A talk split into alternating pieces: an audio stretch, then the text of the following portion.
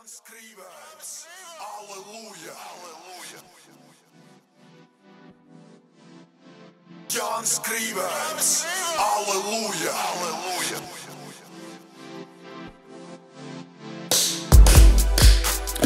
Labdien, darbie skatītāji un klausītāji! Ja jūs šito strīmojat Apple podkastos, lūdzu, ielieciet man piecas zvaigznes, jo es esmu dzirdējis, ka tas baigi daudz dod algoritmiem, un uh, tas nāks par labu pēdējās pilītes uh, pārklājumam. Tas ir kā 5G tīkls, labāk pārklājumu pilītei. Un, uh, Ielieciet, lūdzu, 5 zvaigznes Apple podkāstā, ja jūs šito skatāties YouTube, uzspiediet īkšķi. Um, mēs iesāksim šo epizodi ar vienu labu darba segmentu, jo es zinu, ka jūs ļoti novērtējāt iepriekšējo darbu promo. Evrī bija tik labi pieteikumi, ka viņi pat pa nedēļu bija spiesti vai vairāk pagarināt uh, to vakances pozīciju, jo bija ļoti, ļoti liela atsaucība. Tā kā man ir super liels prieks, ka pēdējās pilītes klausītāji grib strādāt, grindot. Uh! Ok, bet uh, šis uh, darba promo būs nedaudz citā virzienā arī ļoti vērtīgs, ļoti pievilcīgs un ar ļoti lielām iespējām. Tātad, jūs zinat, man es strādāju vairāk vai mazāk 24, 7. Esmu ļoti strādīgs cilvēks, un es vēlos, lai arī jūs, klausītāji, skatītāji, būtu čakli un strādīgi. Nevis slinkojot un pūstot, bet reāli iet ārā un grindot, mm. reklamēt produktus un pakalpojumus krūti, reklamēt darbu, lai dabūtu naudu par kuru iegādāties kādus vien produktus un pakalpojumus jūs vēlaties, tas ir super. Tātad šis darba piedāvājums būs īpaši aktuāls visiem, kas ir tikko šovasar beiguši vidusskolu, vai arī visiem, kas jau nu, kādu laiku blandās pa dzīvi. Un līdz galam nav apmierināti ar savu esošo stāvokli, vai arī vienkārši vēlas pamēģināt kaut ko jaunu. Nē, es paspēju iestāties augstskolā un nezinu, ko darīt. Tā nav problēma. Viņš padzīvo un saprot, ko tu gribi darīt. Tāpēc klausies uzmanīgi viens no Latvijas top darba devējiem, kas nodarbina simtiem. Simtiem, man šķiet, ka pat tūkstotis Generation Z un mileniāļu pārstāvis tas ir Eurolife Technologies. Ļoti iespējams, ka jūsu paziņas jau tur strādā, vai ir strādājis, vai esat kaut ko distancēti par to dzirdējuši. Es jums pastāstīšu bišķiņu labāk. LT ir Latvijas lielākais online spēļu servisu nodrošinātājs. Tas ir uzņēmums, kas vienmēr meklē jaunus talantus, lai tos potenciāli saistītu ar uh, fantastisku karjeru online gaming pasaulē. Visiem saprotamā un teikt, teikt vienkāršotā valodā, jā, tā ir eh, kāršu dalīšana, tas ir darbs, bet, ja mēs vēlamies nu, būt ļoti primitīvi, un es zinu, ka ap šo profesiju ir daudz stereotipi un aizspriedumi, es zinu, ka ir stereotipi, ka tas ir kaut kas shady. Tipa, uh, tikai tāpēc, ka tas ir online ar kamerām, tad automātiski cilvēki domā, ka tas kaut kas shady, bet tā nav. Kam on 2019. gads es arī esmu online un kameru tagad. Ticiet man, uzņēmumā ar tūkstotis darbiniekiem un biroju pie akmens tilta būtu būtu ļoti grūti kaut ko šeidī paslēpt. Tas nav tik vienkārši. Tu nevari neko šeidī tur izdarīt tā, lai neviens to nepamanītu. Um, daudziem ir tas stereotips, ka tikai tāpēc, ka tas ir ārzemju uzņēmums un uz, strādā uz ārzemju auditoriju, tur ir kaut kas nelegāls. Bet taisnība ir tāda, ka viss ir pilnīgi legāli, un ELT patiesībā ir viens no lielākajiem nodokļu maksātājiem valstī. Jūs iztēloties nespējat tos ciparus, ko viņi pieliek valsts budžetam un jauniešu makiem. Vēl vēl es zinu, ka visi cilvēki, kas strādā šajā profesijā un uzņēmumā, ir nodarbināti, ir ļoti apmierināti ar savu algu, savu laiku un savām izaugsmas iespējām. Tātad LT tev paņems darbā, tev ir trīs pareizi parādīju. Jā. Tev trīs nedēļas apmācīs savu profesiju un par to vēl samaksās. Tas nav tā, ka tu aizēji un trīs nedēļas šeptēji pa brīvu, kamēr vispār saproti, kas ko kā. Tu aiziesi, tevi apmācīs un tev par to maksās algu. Uh, tu online vidē būsi spēļu prezentētājs un vadītājs. Jā, tev ir jāmāk angļu valoda vismaz pamatlīmenī, jo visa auditorija, ar ko strādās, būs angļu valodā runājošie. Bet es zinu, ka tiklīdz mēs izmantojam daudz anglicismus, un es vispār pusē runāju kaut kādās trīs valodās, beigās veidoju gatavojas tās dīvainas kokteils. Pēdējās pilītes auditorijai to nebūs problēma. Tātad daži bonus no tā, kas tev ir strādājot ELT. Dāmām manikīrs pa brīvu, pretī cool. Dāmām un kungiem uh, sporta zāle darba telpās aizmirst par to 40 eiro sporta zāles abonementu, kuru praktiski neizmanto. Tev par to nebūs jāmaksā. Izmanto to pa brīvu. Uh, alga ir no 4 līdz 10 eiro stundā plus bonusi. No tevis sagaidīs 20 mājas mēnesī, un, ja strādās naktas mājas, tad dabīgi tev maksās vairāk.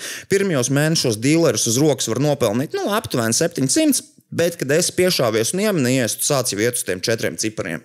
Kas, nu, uz rokas, protams, kas Latvijā priekš tādu jauniešu bez kaut kādas augstākās izglītības eh, ir eh, diezgan amazing. Reizi nedēļā jums tiek uzsaukts pusdienas arī diezgan cool. Um, Tu vari mācīties itāļu, vācu, angļu valodu par brīvu. Tev apmaksās itāļu un vācu valodas kursus, ja tu sāksi strādāt uz itāļu un vācu auditorijām. Tev sāks maksāt daudz vairāk, jo tas ir nišīgāk. Ne visi to var. Iedomājies, tu iemācies jaunu valodu un tev vēl par to samaksā. Tu strādā vienā no modernākajām vidēm visā Baltijā. Es runāju par tādu nopietnu high-tech stuff, visu caur telpām, kur arī lokācija ir izcila uh, Daugavas labajā krastā tieši pie akmens tilta. Un gaming industrija ir milzīga. Tā ir viena no visbagātākajām un visstraujāk augošajām industrijām pasaulē, jo nu, kā viss pārvācās online. Un tāpēc es ļoti novērtēju, ka milzu milzis Playtech ir jau sen izvēlējies Rīgu kā vienu no savas organizācijas strateģiski vissvarīgākajiem punktiem, nodrošinot tiešām simtiem darba vietu uh, un simtiem tūkstošu nodokļu maksājumus, ar ko tiek skaisti papildināta valsts kase. Tev būs pilns maks, valstī pilnāks un visi uzvar. Šeit nav zaudētāji. Tev nav šobrīd jāzina, ko tu darīsi pēc pieciem vai desmit gadiem, un es to pilnībā saprotu, ka negribi iet augstskolā un studēt kaut ko, kas tev neinteresē, vai vienkārši tu šobrīd strādā kaut kādā vietā, kas tev neaprakstām besī. Es esmu bijis tavās kurpēs, un LT atklāti sakot, ir viena no vislabākajām darba vietām, ko tu pagaidām vari dabūt. Un, kad es svaigi iznācu no vidusskolas, algas ir tādas, ko tu čīsta nekur citur nedabūsi. Tā, tā ir garantija. Un, uh, Vēl viena ļoti svarīga lieta, tu ejot šajā konkrētajā nozarē un profesijā, iemācies divas ļoti svarīgas lietas, kas tev var kalpot ne tikai karjerā, bet visas dzīves garumā. Tu iemācies pārliecību pie kamerām, kāds ir nepieciešams, piemēram, šeit, ja tu pēc tam kaut ko tādu gribi darīt, un tu iemācies prezentēšanu. Tic man, tev būs kaut kas jāprezentē visa mūža garumā. Um, Tev būs jāprezentē savu draugu vai draugu saviem senčiem, bet galvenokārt tev būs jāprezentē sevi. Pirmais iespējas ir vissvarīgākais, un tev vienmēr būs jāmāk par sevi atstāt šis uh, iespējas jebkurā dzīves situācijā.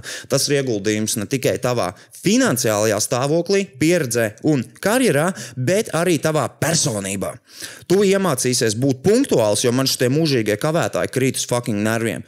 Uh, LT ir punktualitāte, ir svarīga dzīvē, un dzīvē būt laikā ir svarīgi. Kroķis dzīve uz tevi negaidīs, vecīt. Tev jāiet pakaļ savām iespējām un jāgrendo. Plus, tev nevajag uztraukties, ja esi introverts. Tas nav tā, ka no tevis sagaida kaut kādu super svarīgu šaumenu. ELT ir arī čupa ar introvertiem, jo tie klienti ir ļoti dažādi. Ir tādi, kur no tevis negaida to, ka vārīsies stundu no vietas, kā mēs šeit. Uh, nē, viņi sagaida to, ka vienkārši labi darīs savu darbu un paziņos galvenos rezultātus. Tev nav jābūt tādam, ē, skatieties uz mani visu laiku. Tur ir vietiņa pilnīgi katram rakstura tipam. Dzert aloņus Andrejslā siltos vasaras vakaros ir baigi forši, bet vēl foršāk ir nopelnīt naudu, lai tev nebūtu jākļenčī viņa senčiem vai nedod dievs jāiekuļas parādos. Un, ja esi students, tas arī ir apvienojams ar mācībām augstskolā. Tāpēc, lai es noslēgtu šīs lieliskās ziņas, šos lieliskos jaunumus un šo lielisko darba promo segmentu, esmu atstājis linku uz ekrāna, un links ir arī aprakstā. Ieej, piesakies, aizej parunāties un vienkārši pārliecinies par visu pats. Tev, nu, Tu, tu pats labāk pārbaudīsi, nekā ja es tev pastāstīšu. Ja tev joprojām ir kāda aizsprieduma vai stereotipi, tad tev to visu aplausīs un vienkārši tevi izvedīs brīnišķīgā turē. Tas prasīs maksimums stundu tavu laika, bet tas var vainagoties ar tiešām ļoti foršu nākotni, darbu, karjeru. Tā tad uh, vēlreiz links ir aprakstā. Paldies, ELT! Mēs varam sākt šo podkāstu. Ok. Šodien ar mums pēdējā pilītē ir uh, veids, viņš nav, viņš nav izmests. Mums, es zinu, daudz jautā, kur pazudis veids, viņš nekur nav pazudis. Mums vienkārši mazas problēmas ar interfeisu, un tāpēc viņa mikrofons nav dzirdams. Ja jūs zinat kādu labu audio meistaru, lūdzu, uzsitiet man ziņu.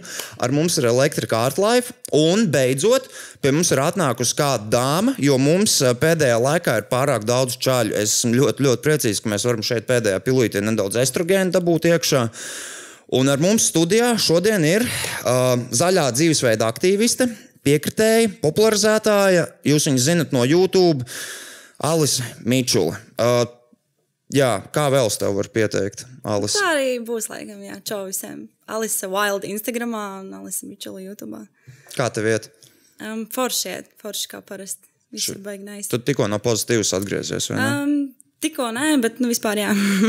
Forši. jā. Jā, tas, ar ko es to šodien, es, es nezinu, kā tā tad tu esi uh, izteikti, nu, tu esi ļoti populāra vegāna, vai ne? Un es skatos, tu YouTube ļoti daudz uh, promotē tieši to vegāniskās receptes, dzīves stilu, Jā. visus tos benefitus, kā tu līdz tam nokļuvi. Ā, Līdz vegānismam? Jā. Um, tas bija tāds diezgan garš ceļš. Nu, kā kuram man liekas, man, man liekas, garš ceļš. Es ne, nebija tā, ka es uzreiz vienā dienā par vegānu kļuvu. Es, ā, Kaut kad pirms kaut kādiem, man liekas, gadiem, sešiem, es ā, sāku domāt par to, ko es ēdu, par, par tiem dzīvniekiem, kurus es ēdu, jo es vienmēr esmu mīlējis dzīvniekus ļoti.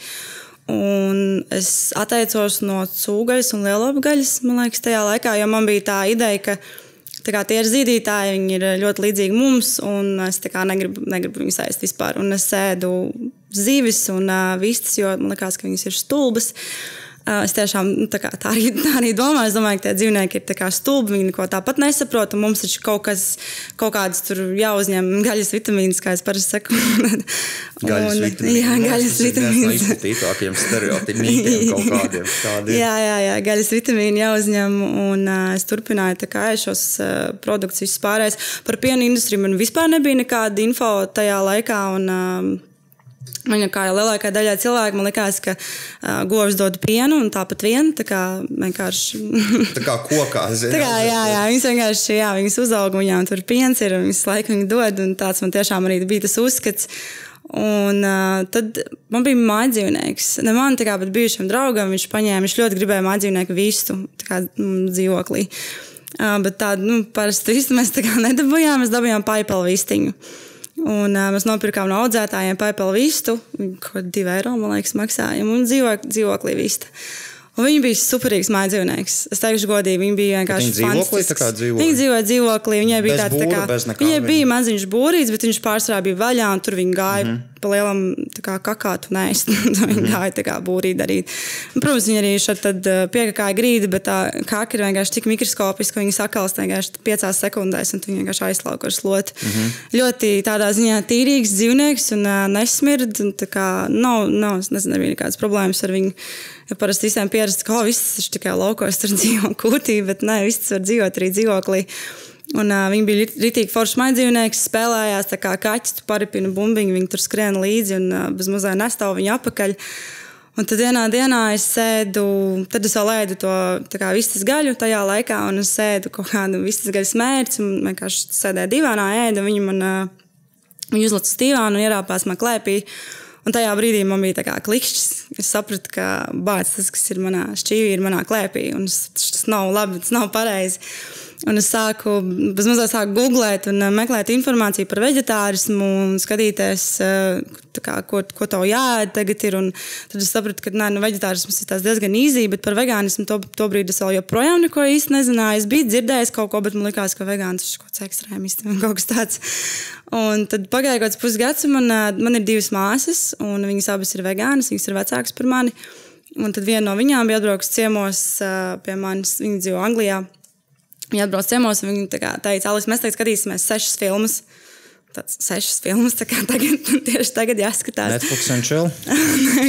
Skatīsimies, tagad viņi nosauc tās filmas. Man, protams, nav jausmas, kas tās par filmām. Viņi teica, ka tās ir par, eh, par, par dzīvniekiem un par tādām lietām. Es, protams, piekrītu. Es vienmēr uzticos savām māsām. Es zinu, ka viņas eh, ļoti gudras un es vienmēr esmu ņēmis piemēru no viņām.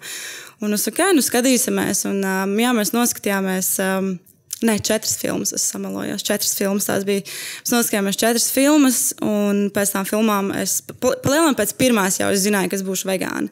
Tad es uzzināju visu, kas tas ir, kā, un noskaidroju, man bija tāds, ok, es, man, man nevajag šo to, šito vairs. Tas, tas filmas bija par uh, to, kā šie produkti ietekmē to veselību, kā viņi ietekmē dabu, kā viņi ietekmē dzīvniekus vispār kopumā, kas man bija pats svarīgākais. Un, uh, un jā, un es vienkārši pieņēmu lēmumu, ka es neēdīšu vairāk dzīvnieku izcelsmes produktus. Labs. Jā, man tas bija ļoti viegli. Man liekas, man bija ļoti viegli. Man Zinu, daudziem ir kāds- ļoti grūti tā O, jā, konversija. jā, Tā kā jā. Visi, to nemaz visi nevar tā kā totāli visu to iespējams pat nevar izdarīt. Bet, ja tu spēj tā konvertēties, tas ir Jā. nu, diezgan viegli. Es domāju, Jā. tā nebija nekāda tur. Ne. Man vispār nebija. Nu, tāpēc, ka man, tā, man tik ļoti tas likās vajadzīgs. Man tik ļoti likās pareizi tajā brīdī un likās loģiski.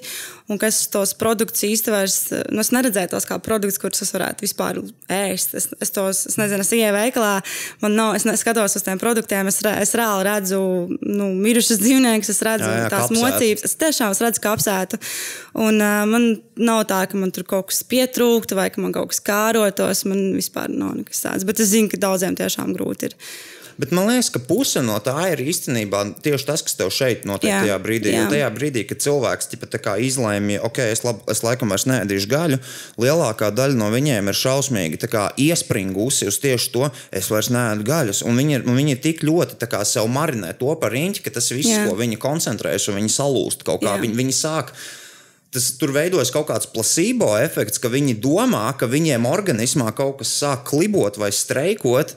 Bet tas, tas, tas tā nav. Tas viss ir galvā patiesībā. Viņam liekas, ka organisms prasa gaļu, tāpēc, ka Gaļas tu visu laiku, jā, gaļas vitamīns, jo tu visu laiku par to domā nenormāli daudz. Tas laiku par to, Jā, jā. tev, tu pats sevi nodarbini to prāti, ka tu, ka tu vienkārši nespēji pat uh, morāli no tā atteikties. Tev ir jāprot morāli no tā atteikties, lai tu varētu fiziski no Tas tā ir atteikties. galvā. Man šķiet, tas vairāk jā. psiholoģiskais faktors. Es arī es, es neēdu gaļu kaut kādas. Es neesmu vegāns, es esmu peskotārietis, es, es ēdu zīves, bet arī ļoti reti. Tikai Mhm. tā pats es esmu.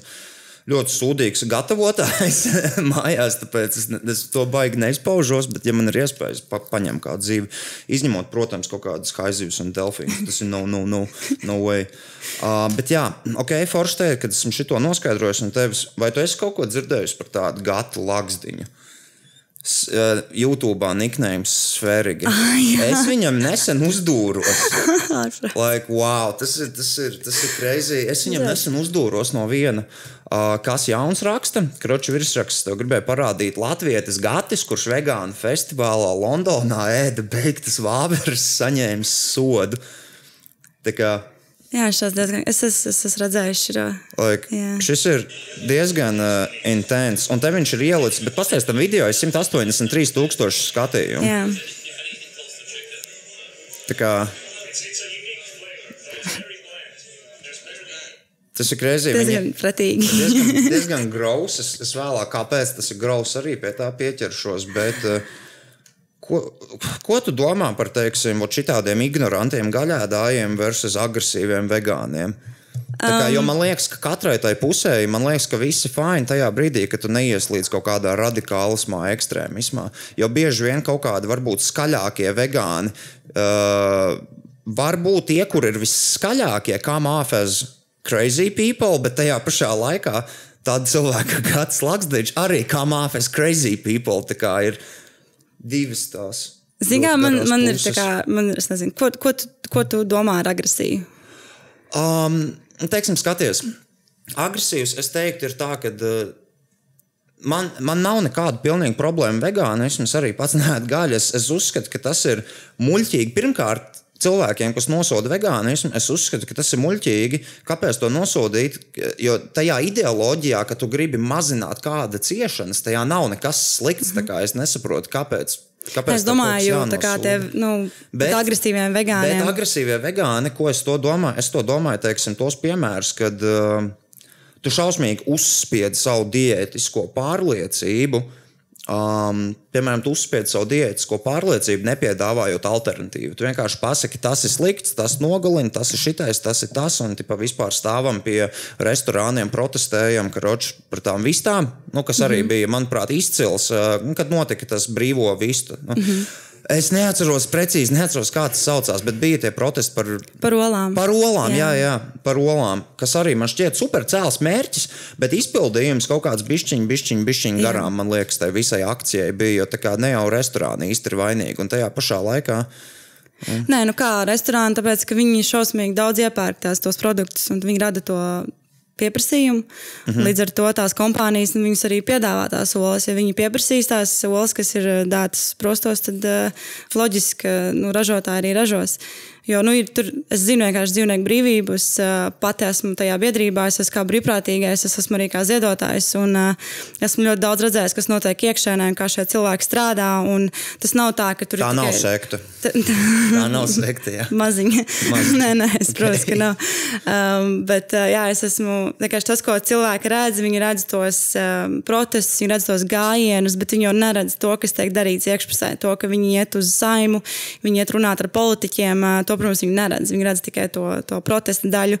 Bet tā protesta daļa ir ļoti nepieciešama, lai pievērstu cilvēku uzmanību. Vienalga, kāda tā uzmanība būs, vai nu viņa būs pozitīva vai negatīva, tiks pievērsta cilvēku uzmanība. Un, um, tādā veidā nu, tā viņiem būs vieglāk runāt ar, tiem uzņēmējiem, ar, nu, padziļinātāk, tā varētu teikt. Mm -hmm. Tāpēc man, nu, nu, es tādā ziņā, es nezinu, liekas, ka tie protesti ir vajadzīgi un es viņus atbalstu.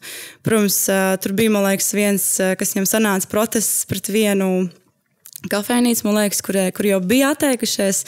Tas tā bija viņa dīvaini. Bija, kā likās, ka viņi ne- nebija līdz galam noskaidrojuši info, bet nu, viņi arī publiski atvainojās. Es saprotu, cilvē, cil, kļūdīties ir cilvēcīgi. kā Viss ok, bet jā, es atbalstu šos protestus. Um, a, ko tu domā teiksim, par um, tādiem e- ekstremāliem, radikāliem troļļiem, kā Gatis Laksdiņš, kas tagad iet uz? Es neesmu Latvijā novērojis. Latvijā ir bijušas kaut kādas līdzīgas, tipa šenēnigēni, kad aiziet kaut kādu cilvēku uz vegānu pasākumiem. Es neesmu. Man liekas, ka jo nē, es arī neesmu nē. novērojis. Latvijā cilvēki nav tik. Um, Kā lai teikt, tik droši, man liekas, tik drosmīgi, lai gan tas čalis viņš ir latvietis. Bet, Tas uh, ir ironiski. tajā jā, visā jā, bet uh, es, uh, nu, es esmu vairākās kaut kādās vegānu grupās, arī Facebookā. Un, uh, tur, protams, šāds notikums noteikti tad visi par to runā. Bet uh, cik es sapratu no tā, ko cilvēki runā, ka nu, tas arī man likās pēc tam loģiski, ka viņš jau dara tieši labu. Vegānismu tā kā visai komunai, jo tas, ka viņš vienkārši tā parāda, cik patiesībā tas ir pretīgi. Viņš aiziet un ēd to dzīvnieku, viņš cilvēki tiešām, kas pat varbūt uh, tur nav, nav viņam doma kaut kāds par vegānismu bijuši, bet viņš tagad redzēs, ka man tiešām ir diezgan nu, nēstīgi, ka tu tur ēd to dzīvnieku. Jēlu Un- jā, jā, jā, un ka viņš, viņš tādā ziņā, nu, viņš viņu palīdz. Viņš komunai. neapzināti palīdz. Viņš Tā kā, neapzināti zini, Viņš palīdz. grib izdarīt Jā. vienu, bet oh, oh, tas backfire Jā. vēl kaut kādā Jā. mērā. Zini, man šķiet, ka tā ir arī kaut kāda ekstremāli augsta uzmanības trūkuma izpausme. Jā, Tā kā ka tu kaut ko tādu noteikti. dari.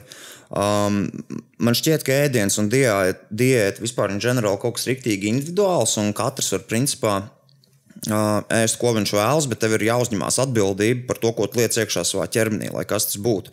Un, piemēram, tie svaigie gaļēdā, es viņu bišķiņu papētīju, pēc tam es visu to kanālu papētīju, tur ir tāda šizofrēnija iekšā. Jā, es arī esmu.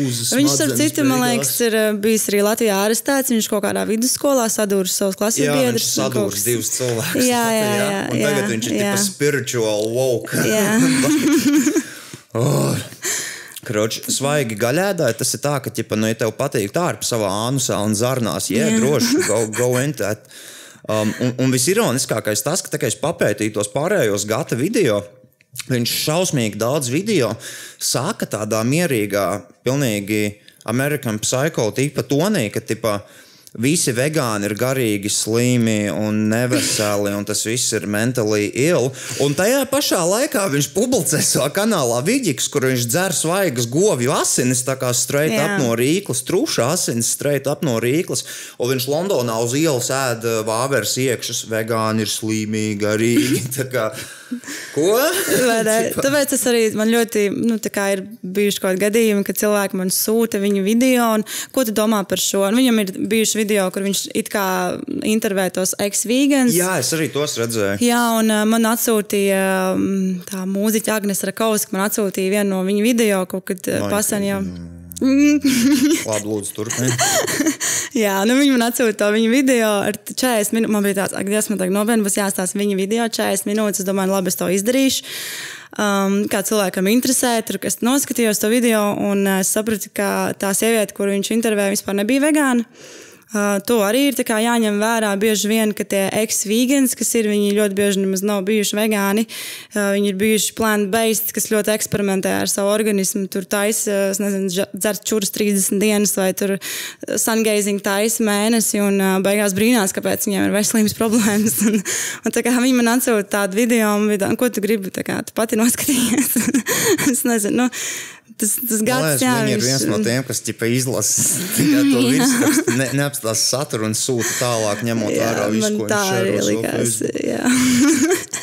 Jā. Jā, bet, nu jā, 5G tīkla arī slikti, protams. Tā ir mūsu tagad top temats un ģimenē mūsu mēs beigām 5G tīkla, jā, kā jūs nodrošināties pret 5G Mēs, aizsardzību? nu, mēs tagad, cepures, jā, jā, mēs pasūtījām tība, visai ģimenei. Sūtījuši radiem uz ārzemēm arī. Jā, es, kā, es nekad mūžā negribētu iet toltē pēc gata.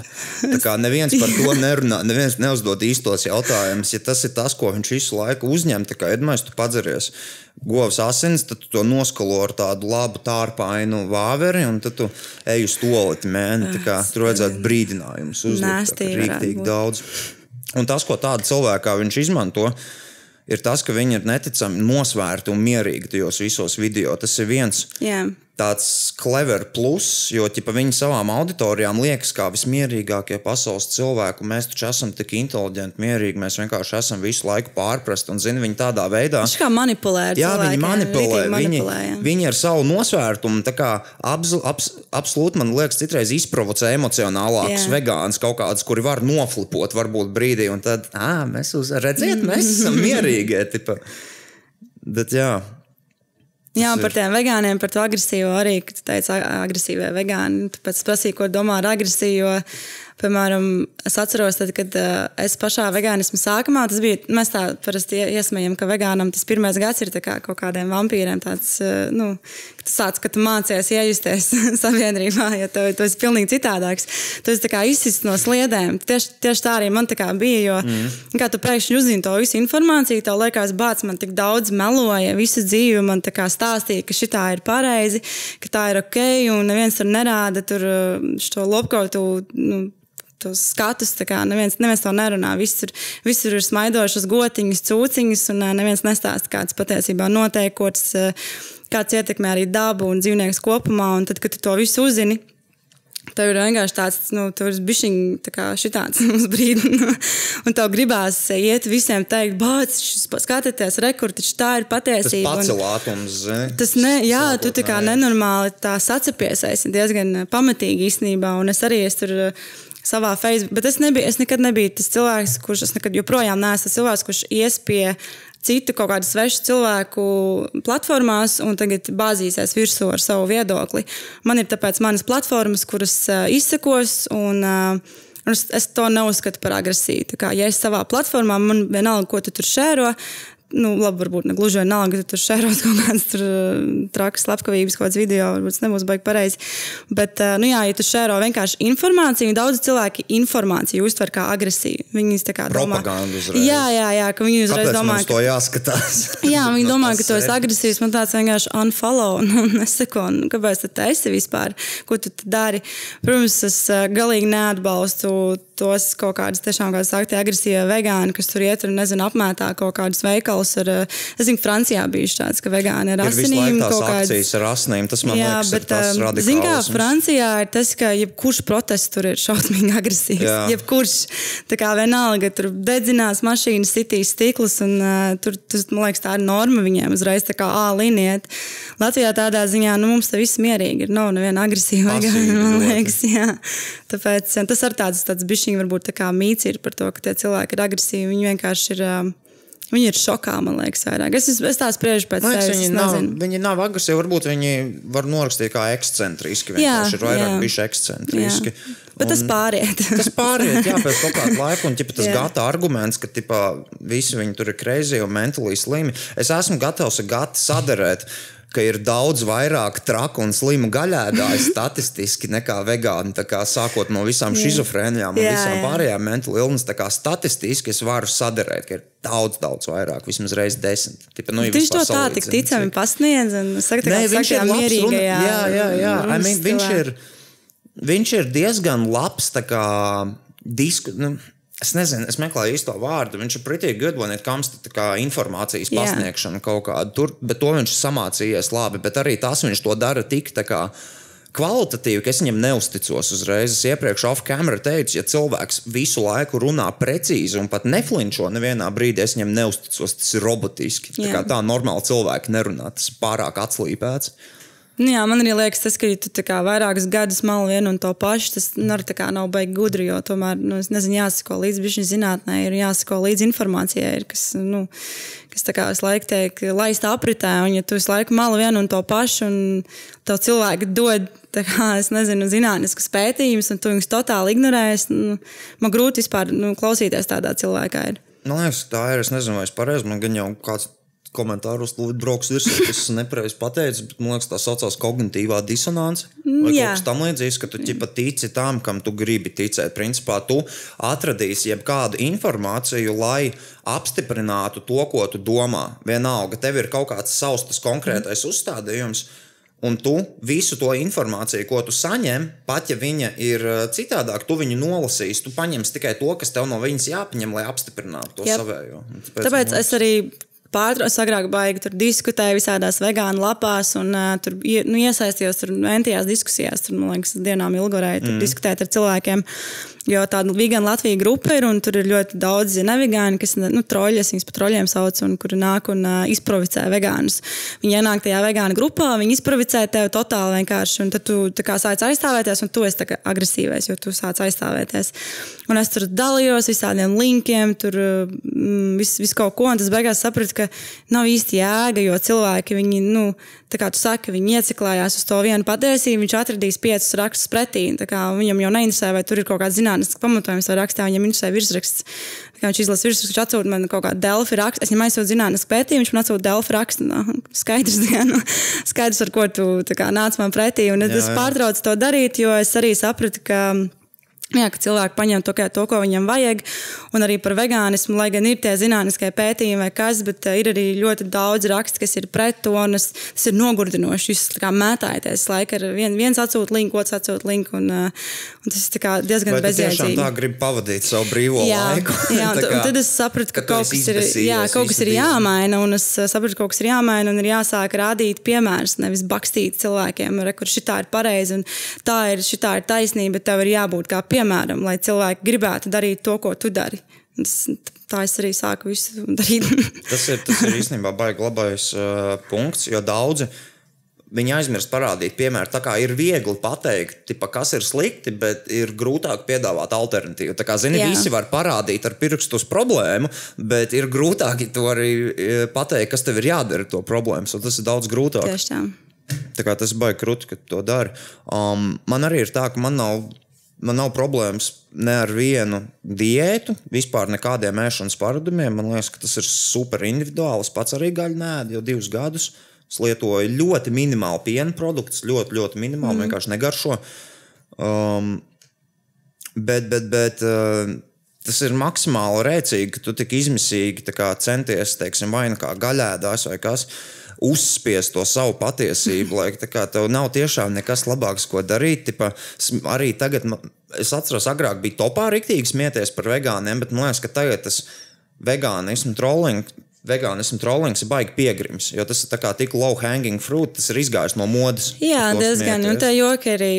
Tas ir tā kā pa Trumpu ķipa aptuveni ierāk. Nu, come on. Tas, Nu, jā, tas ir jā, 2000 leita, bet nu, nav, nav vairs aktuāli. Un arī tie, tie joki, viņi tiešām, nu, es atceros, kad es pirms sanāk, trīs ar pus gadiem, kas kļuvu par vegānu, un tie joki nav mainījušies. Viņi ir vieni un tie paši. Tie cilvēki, kas tā kā ierāds par vegāniem, viņi viens un tos pašus joks pļauj ārā. Nu, nu, vismaz izdomā kaut ko tiešām smieklīgu, vismaz izdomā kaut ko rēcīgu, lai mums pašiem arī ir smieklīgi.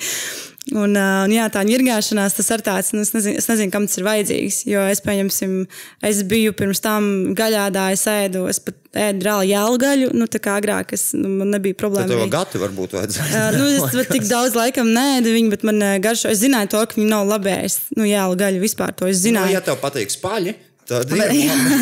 bet uh, paldies Dievam, ar to nebija problēmas. bet, uh, jā, es, es mēdzu ēst jēlu, vistas gaļu. Es, pieņemsim, saprotu kaut kādas karbonāts vai ko. Es, uh, es pusi no tā pēdu jēlu ļoti bieži.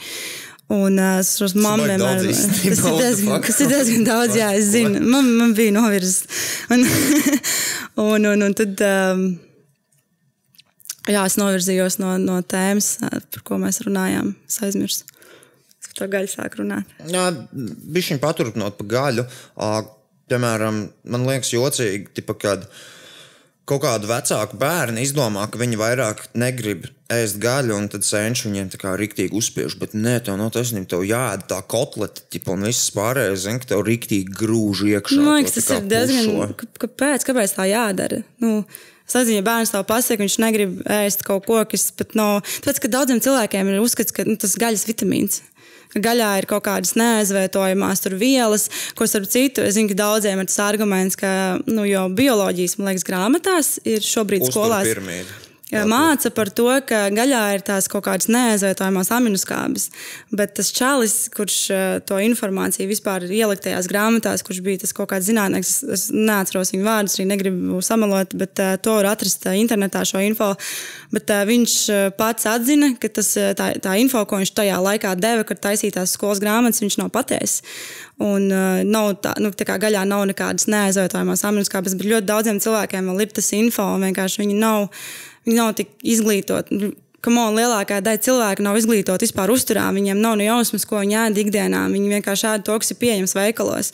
Nu, es nezinu, nu, es ļoti maz cilvēku zinu, kuri tiešām ir konsultējušies ar uzturu speciālistiem, vai arī paši kaut eh, minimālas kaut kādas nu, zināšanas, nezinu, palasījuši internetā par uzturu. Tāpēc, ja tu neesi tik ļoti informēts par to, kāds vispār var citam teikt, kas ir, nu, kas ir, vēl labi, kas ir vai nav labi, mm -hmm. kā, ko, ko, ko vajag, ko nevajag ēst. Es atceros, Jā. bija tādā ziņā tas cepiens Ikšķilē, kad kaut kāda. Man liekas, ka tas bija Ikšķilē, ka viņš viena skola dabūja vegetārās pusdienas, kas likās, wow, amazing, tāds solis. Un reāli viņiem bija tāds cepiens no vecākiem un visa. Tas bija. Ne no vecākiem. No kā tur bija cepiens? Tur bija tā, neatceros. ka, Jo bija arī kaut kāda daļa vecāka, bet tur bija kaut kāds lielais cepiens. Vecāki bija tie, tie kas ne, nemācās vispār. Tur, tiem, tiem bērniem, kas nemācījās tajā skolā, man liekas, tie bija tie vecāki, kas nenormāli cepās. Jo bija tā, ka uh, tie, tā skola ir ļoti maza. Tur bija sarunāts ar tiem vecākiem, ka viņi skolā dod vegetāru tā kā to nu, pusdienu piedāvājumu, ka viņi taisa. Tas bija izrunāts ar vecākiem. Visi vecāki tā kā tam piekrita. Un, jo, nu, tu mājās to tā kā ko gribi, un ka moņa tev to ēdienreize, tā kā- dabūja. Jā, ja tev viena ēdienreize ir bez tās gaļas, nu, tas jau nav nekas slikts kā vispār. Un to tur, man liekas, bija PVD, to bija uzzinājis, un kaut kas tur bija tur nosūdzējis. un Tur, nu, Heiteri netrūkst šādā, šajā sfērā arī.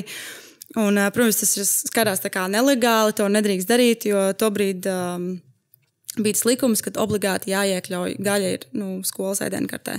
Tagad likums vairs nav, viņš ir mainīts. Daļai šī gadījuma palielam mainīja to likumu. Un, uh, viņi, jā, viņi tā kā mm, atzina, ka var būt veģetārs uzturs arī skolās. Tagad tas pārējais atkarīgs no skolām, vai viņi grib ieviest to veģetāro uzturu vai negrib.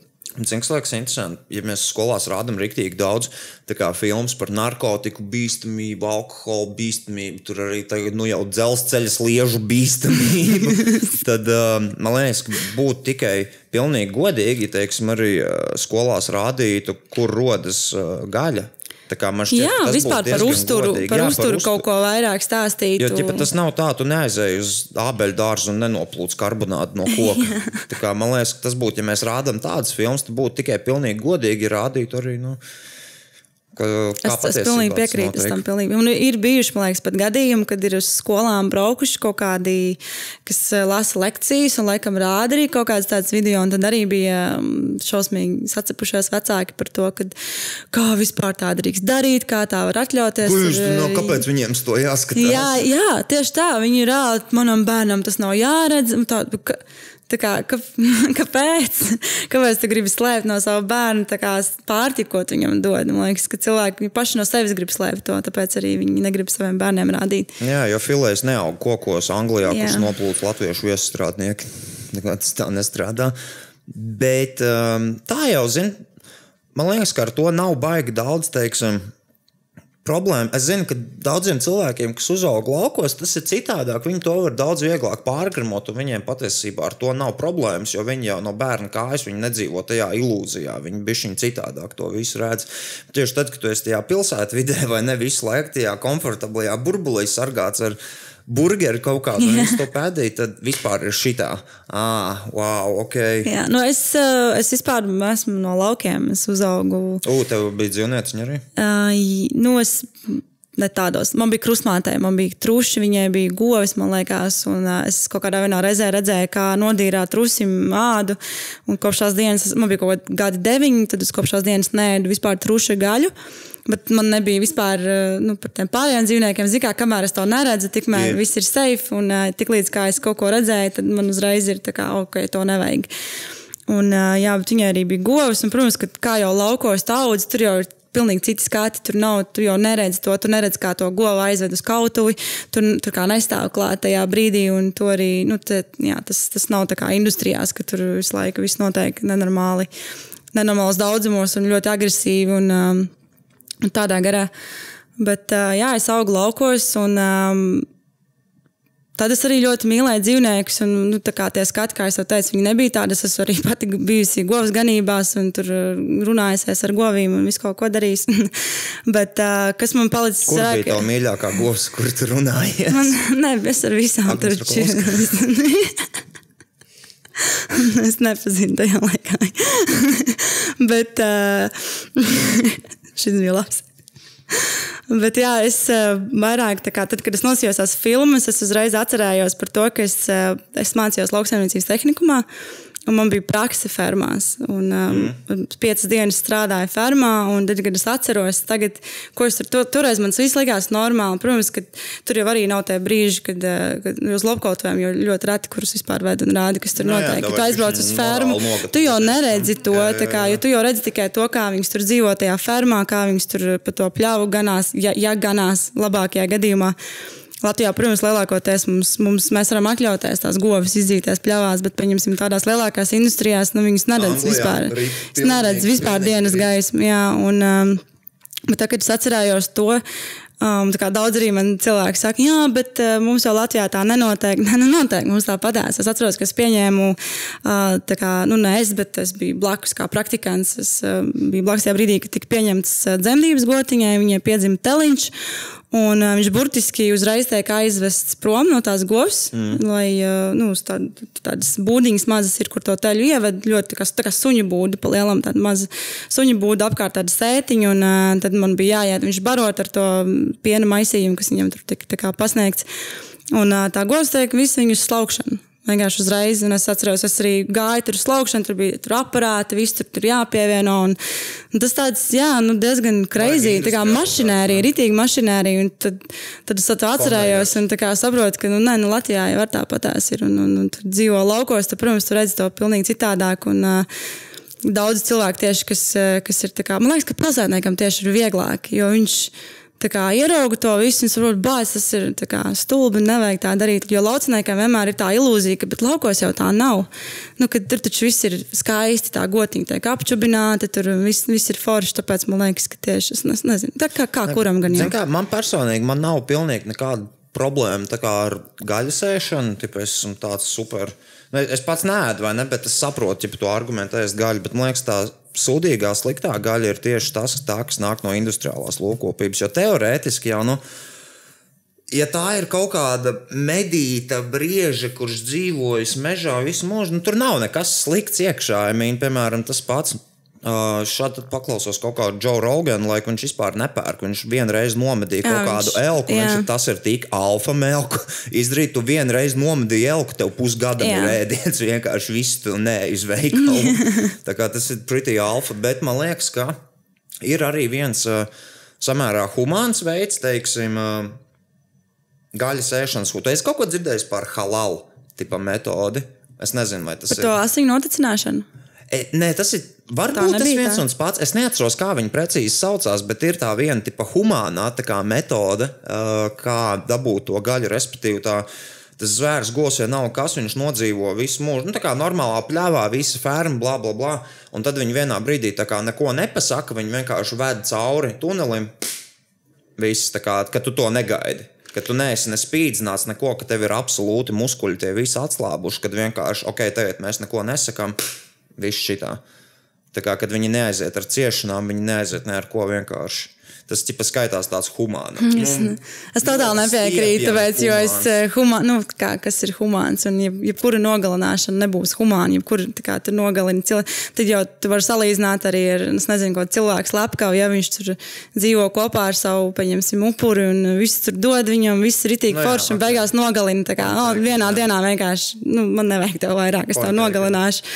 Un, tad, Bet nu, tik tas tad nav humāni, jebkuru dzīvību atņemt nav humāni. Bet, eh, protams, eh, nu, tas dzīvniekam, dzīvnieku labturības ziņā tas būs daudz labāk nekā ja tu Jā. to dzīvnieku. Tāpēc es pieņemsim arī par tiem, man daudz saka, jā, bet ja tur laukos eh, aug tur gotiņas un cūciņas, ok, viss cool. Ja tu tiešām dzīvo dziļos laukos, ja tev nav iespēja aiziet, es nezinu, tev desmit km rādījusā nav pārtiks veikala, ja tu vari izaudzēt pats priekš sevis to visu, man nav problēma.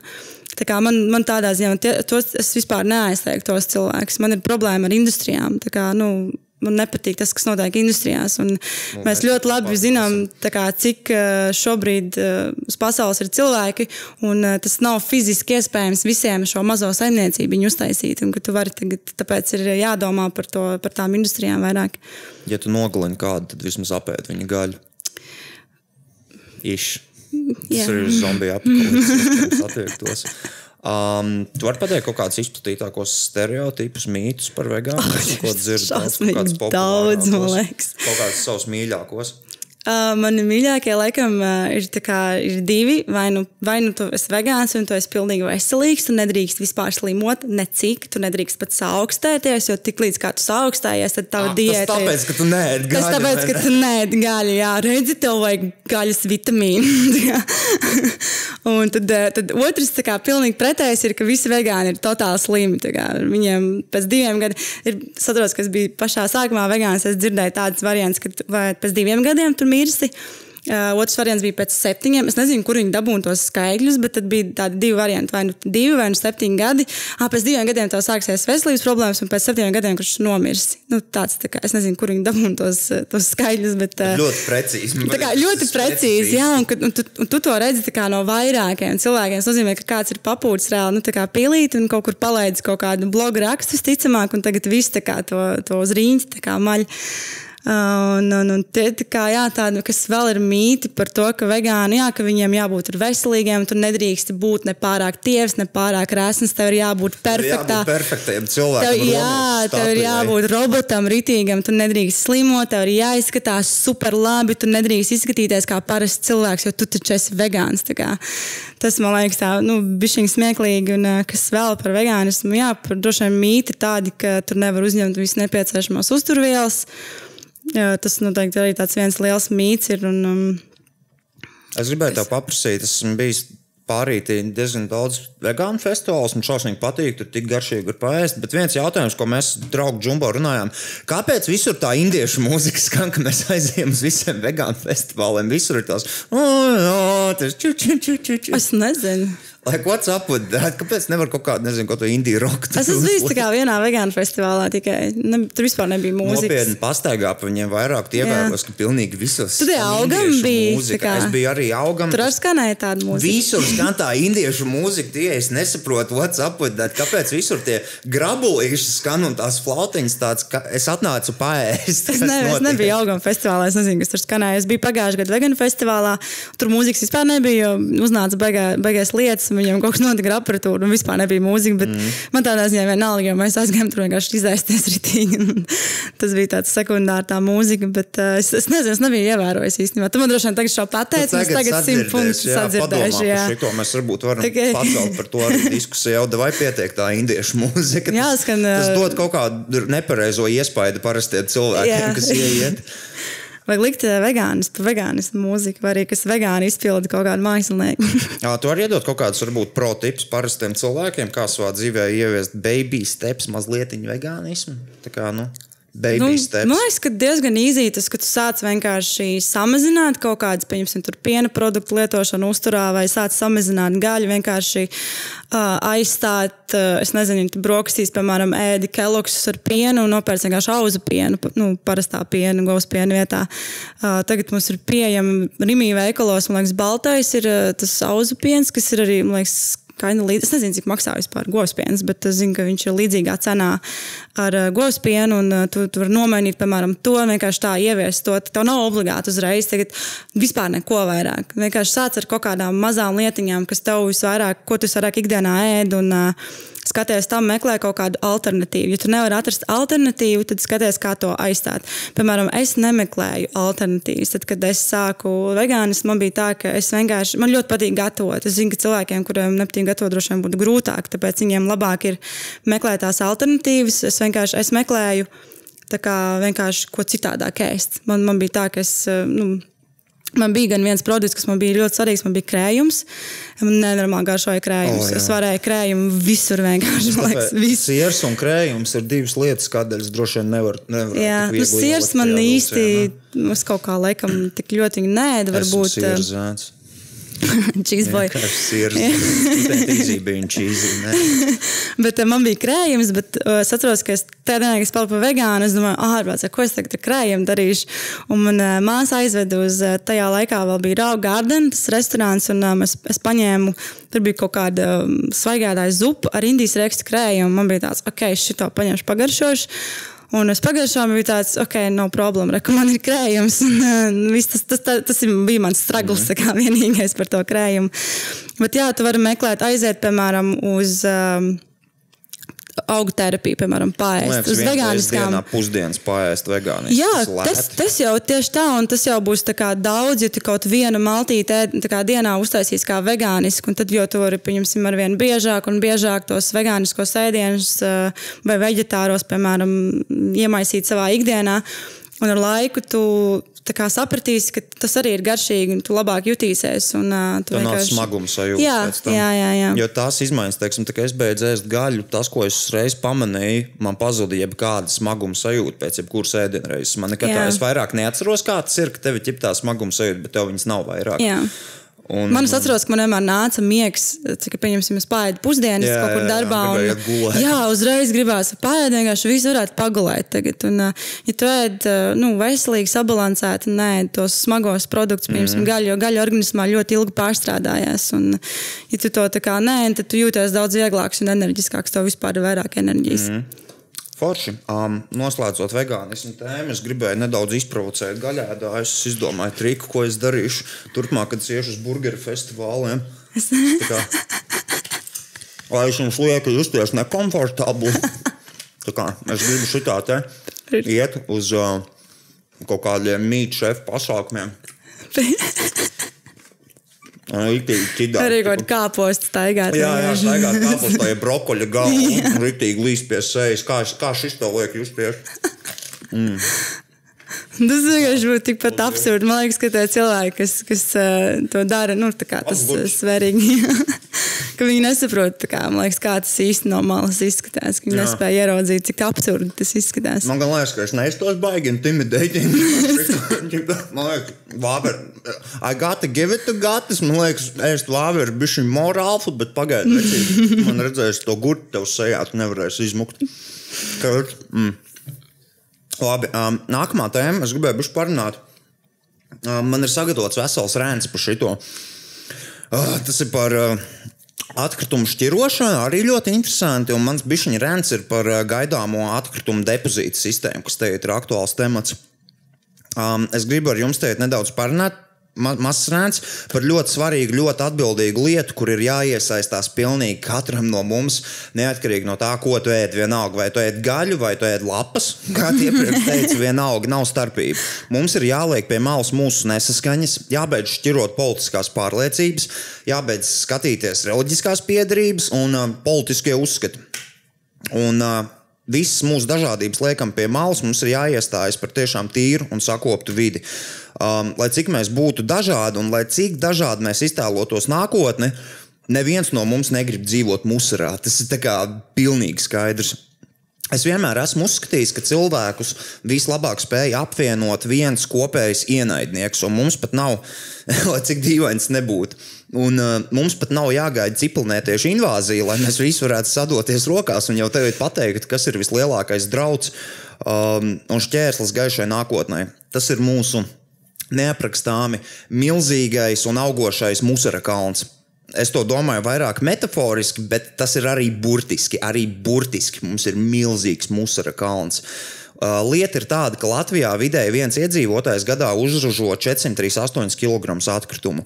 Un es negribu izklausīties ļoti dramatisks, bet gadā tie ir 876 tūkstoši tonnas atkritumu gadā uz visiem Latvijas iedzīvotājiem.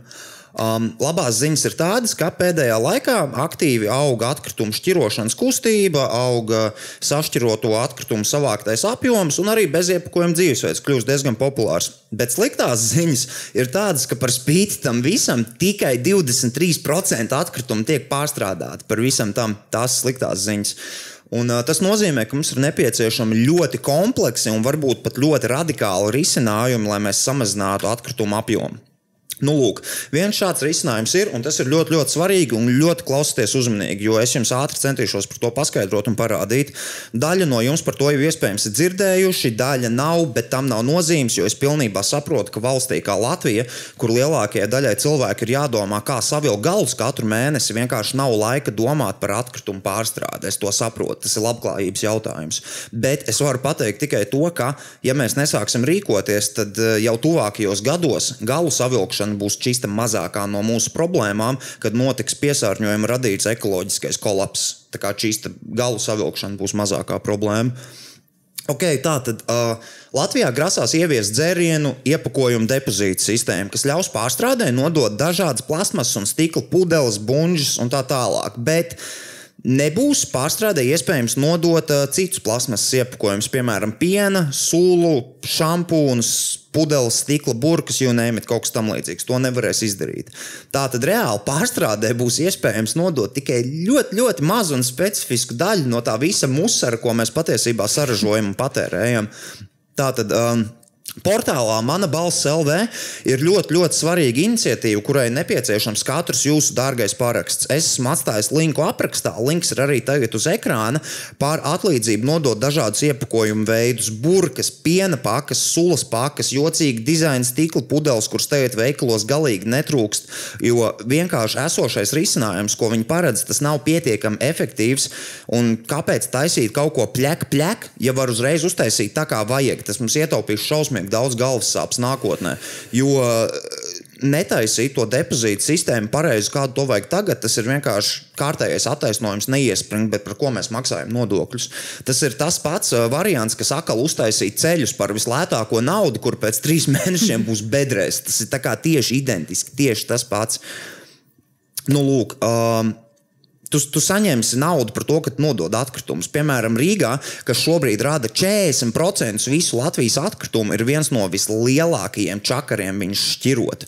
Ja tu dzīvo centrā, tas ir vispār vāks. Tev ir jāiet četri kvartāli, lai tiktu līdz šķirotajai ar savu musara kalnu. Tu rezultātā kā bomārs vazājies ar tiem maisiem. Ja tu satiec mani manos netīrajos mājas šortos, netīrā krāklā, man vienā uh, pusē ir rīmī maisis ar kaut kādiem un kaut ko streipuļoju, tu vari sajaukt mani bomāru. Bet šķirošanas kultūras iedzīvināšanai Rīgā ir ļoti svarīgs jautājums visas Latvijas mērogā. Jo tiešām Rīgā dzīviski ir lielākā daļa Latvijas. Mums tas jāsāk maksimāli darīt šeit, citādi būs ripa. Krašs, skatieties, lūdzu, parakstamies. Es to izdarīšu kopā ar jums super ātri. Es uh, parādīšu, kāds jāizdara. Mēs uzliksim ekrānu visu tipa kadru. Es ātri uh, ierakstīšu viņu. Tā, tā, tā, tā skatieties, skatieties, sorry. Ah, okay. Tā tad mēs ejam iekšā mana balss LV. Sorry izčakarējos. Mēs ejam iekšā, mana balss LV. Ļoti vienkārši. Tas prasīs precīzi divas minūtes laika, bet tas ir ļoti, ļoti svarīgi.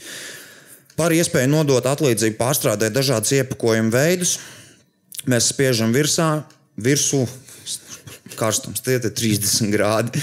Mēs spiežam parakstīt, izvēlamies, es izvēlēšos Svetbanku jo tas ir, manuprāt, vienkārši visātrākais un ērtākais veids, kā to izdarīt. Tā nav apmaksāta reklāma. Nē, es, es tagad negribu ziedot, es vēlāk noziedošu. Mēs šo varam izlaist. Šito man liekas ļoti svarīgi pateikt cilvēkiem par to. Nu, viņiem liekas, ka to jāmaksā. Jā, jā, jā. Ar telefonu ir pirmais, ko tu redzi, ka tev ir jāziedo. Tad tu bišķiņ pabrauc tā kā uz leju, un tur ir, nu, ka tu negribi ziedot. Nē, nē, jo man, apakšā. Jā, jo man daudz rakstīja Instagramā, ka, oh, tur jāmaksā. Nē, tur nav jāmaksā. Pabrauc bišķiņ uz leju, un tad tur uzspiest, jā, ka nav jāmaksā. Tā tad mēs tagad uh, ielogojamies ar Smart ID, jo tas ir vienkārši ļoti ērti. Um, super, super vienkārši. Es ļoti atvainojos, ka iespējams jums tas rādās nedaudz ilgāks ekrāns. Mums tie ir uh, nepareizs lietotāju numurs. To es negaidīju. Jebkurā gadījumā, jā, tā tad tagad mums viss ir aizgājis Smart ID. Mēs šo nauru varēsim aizmiglot, vai ne? Es negribu, lai kaut kāda hackera lieta iekšā. Ja es mēs aizmiglosim, ja jūs neredzat, uh, mēs to aizmiglosim. Tagad jūs esat iekšā veiksmīgi loginā, nosūtiet datus. Um, es tagad jūs turu aiz rociņas, kā pareizi parakstīties. Un viss tavs paraksts ir pieņemts. Tas bija tieši tik vienkārši. Nē, es tagad negribu ziedot. Paldies, mana balss, viss cieņa. Es šodien jau noziedoju, jūs neredzējāt. Es pirms tam, kad biju, es noziedoju. Tev nav arī jāatstāj e-pasta numurs un tālruņa numurs. Viss čau.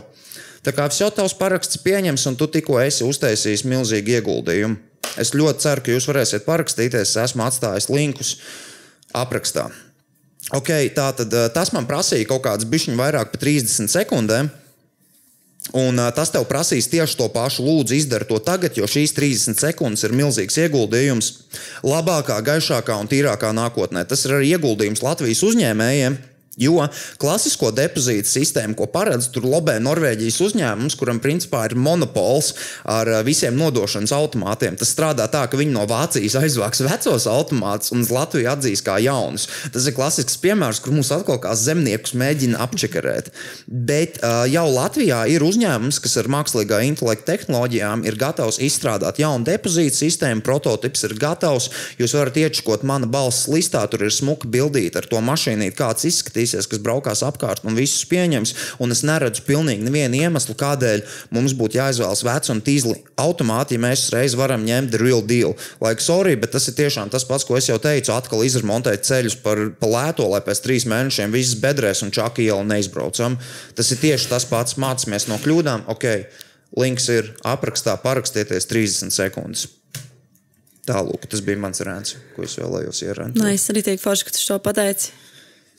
So, par to musēra kalnu runājot nedaudz. Um, ir baigi traki, ne?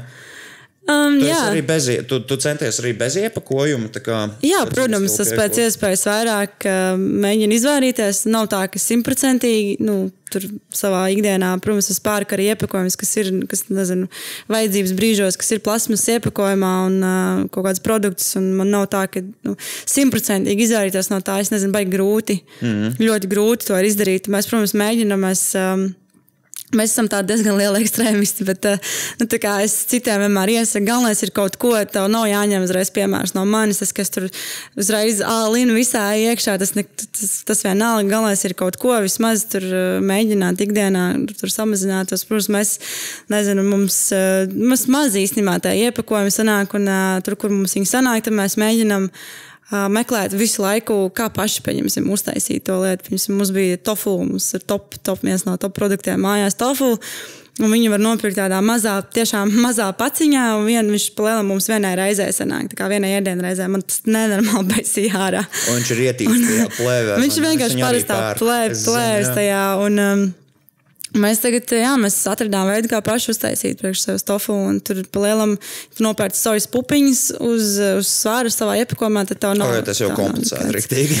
Um, vispār nē, vispār nav. Cik laika nav tas to paņem? Jā, kaut kāda stunda, man liekas, viss kopā varētu būt. Bet tu dabūni, nu, tā kā, nezinu, piecreiz vairāk to tofu mm. uzreiz. Bet, bet man liekas, ka zin, kas varētu būt lielākais šķērslis kaut kādā atkrituma šķirošanā, kāpēc mums Latvijā īsti tik smagi ar to iet. Ja man šķiet, tas ir tas labklājības jautājums. Nu, ķipa, parastam cilvēkam, lai reāli viņam ir grūti, viņam ir tik daudz problēmu, kas viņam Jā. Ikdienā birst uz galvas ar visiem kredītiem un visu pārējo, ka viņam vēl tagad kaut kāda centra zaļā iepakojuma. Šķiro atkritumus, viņš pa purnu grib drīzāk iedot. Viņam ir jābaro ģimene, kaut kādi kredīti jāmaksā.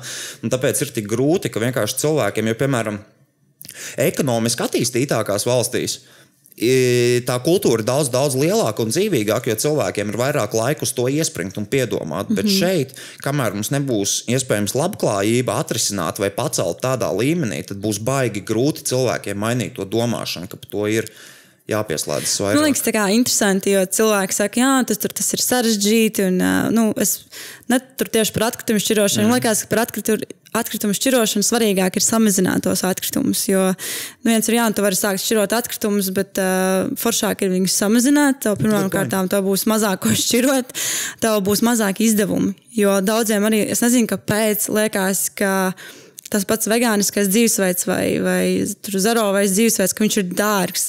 Bet patiesībā nu, tas, tas, tas ir tajā variantā, ja tu atkal meklē kaut kādus aizstājēju produktus visam. Ja tev tagad tu izmantojies laiku, tur kaut kādas maisiņas, un tu tagad meklēsi alternatīvu, atkal vajag tur, nezinu, 50 maisiņus, audumu maisiņus. Tev tagad vajag jāpērk, ak, Dievs, viņi taču ir dārgi. Ir. Bet tu, tā kā, tu neaizdomājies tajā brīdī, ka tu taču vari vispār neizmantot to maisiņu. Nu, tā kā tie veikalā, tur nelikt banānas maisiņā. Tu vari nelikt, kāpēc? eh, kāpēc, jā, es, es cerēju. Tāpat viņas mājās nomazgā. Jā, visi tu, nu, labi, es saprotu, ja tu pēc tur kaut ko daudz, tur nezinu, daudz šampūņus vai daudz tur tomātus, milzīgi tur maisas svārdas citādāk, bet ja tu pēc divus apelsīnus vai tu pēc trīs tomātus, vispār nav vajadzīgi likt maisiņā. Mēs ļoti, ļoti reti, kad izmantojam veiklā maisiņu.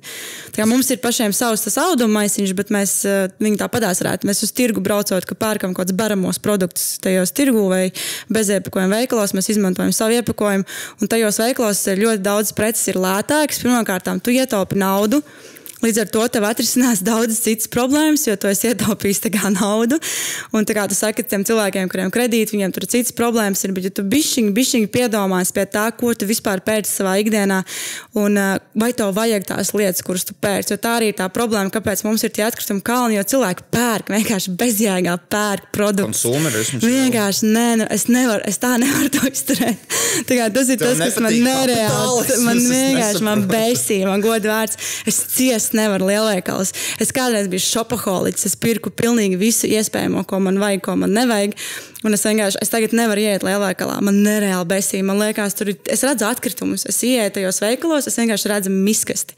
Es nezinu, visi apģērba veikali, viss lielākā daļa pārtiks. Un par to pārtiku arī kāds nenormāls veids ir vienkārši cilvēks, zini, kas nereāli besīja? daudz ražo. Man besīk, kad es aizēju uz Rīgā un es skatos, visi šie te gurķi. Viņi ir ietīti katrs savā plēvē no getliņiem. What's up with that? Man besīk. Es meklēju telefonā bildi, bet bija netīšām izdzēsis. Es redzēju, vienu dienu bija, ka Rīgā piekraust tās lielās kastes. Katrs pakinais gurķis ir ietīts uh, plēvē atsevišķi. Kāds sakars? tāpēc, ka viņiem skaitās. Uh. Jā, jā, jā, un vēl ieliekot. Jā, jā, jā. Un, bet tas, man liekas, ir tāpēc, ka viņiem skaitās kaut kāda tur it kā bio, tas, pieņemsim, produkts, viņiem ir jābūt tajā plēsmā. Maisiņā, ja tu viņu aizvedīsi tā kā uz veikalu bez iepakojuma, ka viņš tā kā neskaitīsies vairs tad bio produkts. loģika? Tas Nav vispār loģikas vispār. Nu, daudz kas nezinu, make sense. Bet, Um, tu tā aizemē arī bija kādu laiku atpakaļ. vai Es vēl tieši par taisnību gribēju tikko teikt. pastāsti, kā tur bija Tur bija citronu visu. tādā ietītā plēvē, pārdeva citronus. Tas man bija vienkārši tāds. Plīs smadzenes vienkārši citrons, viņš tā jau ir. Nu, saprotu, vēl gurķi daudz ēda ar mizu. Nu, tā kā varbūt. kā es. Nu, jā, es arī es šeit daru ēdu gurķi ar mizu un man garšo, bet citrons, kāpēc? Kurš ēd citronu mizu? Kā man liekas, veicēt. Veids noteikti.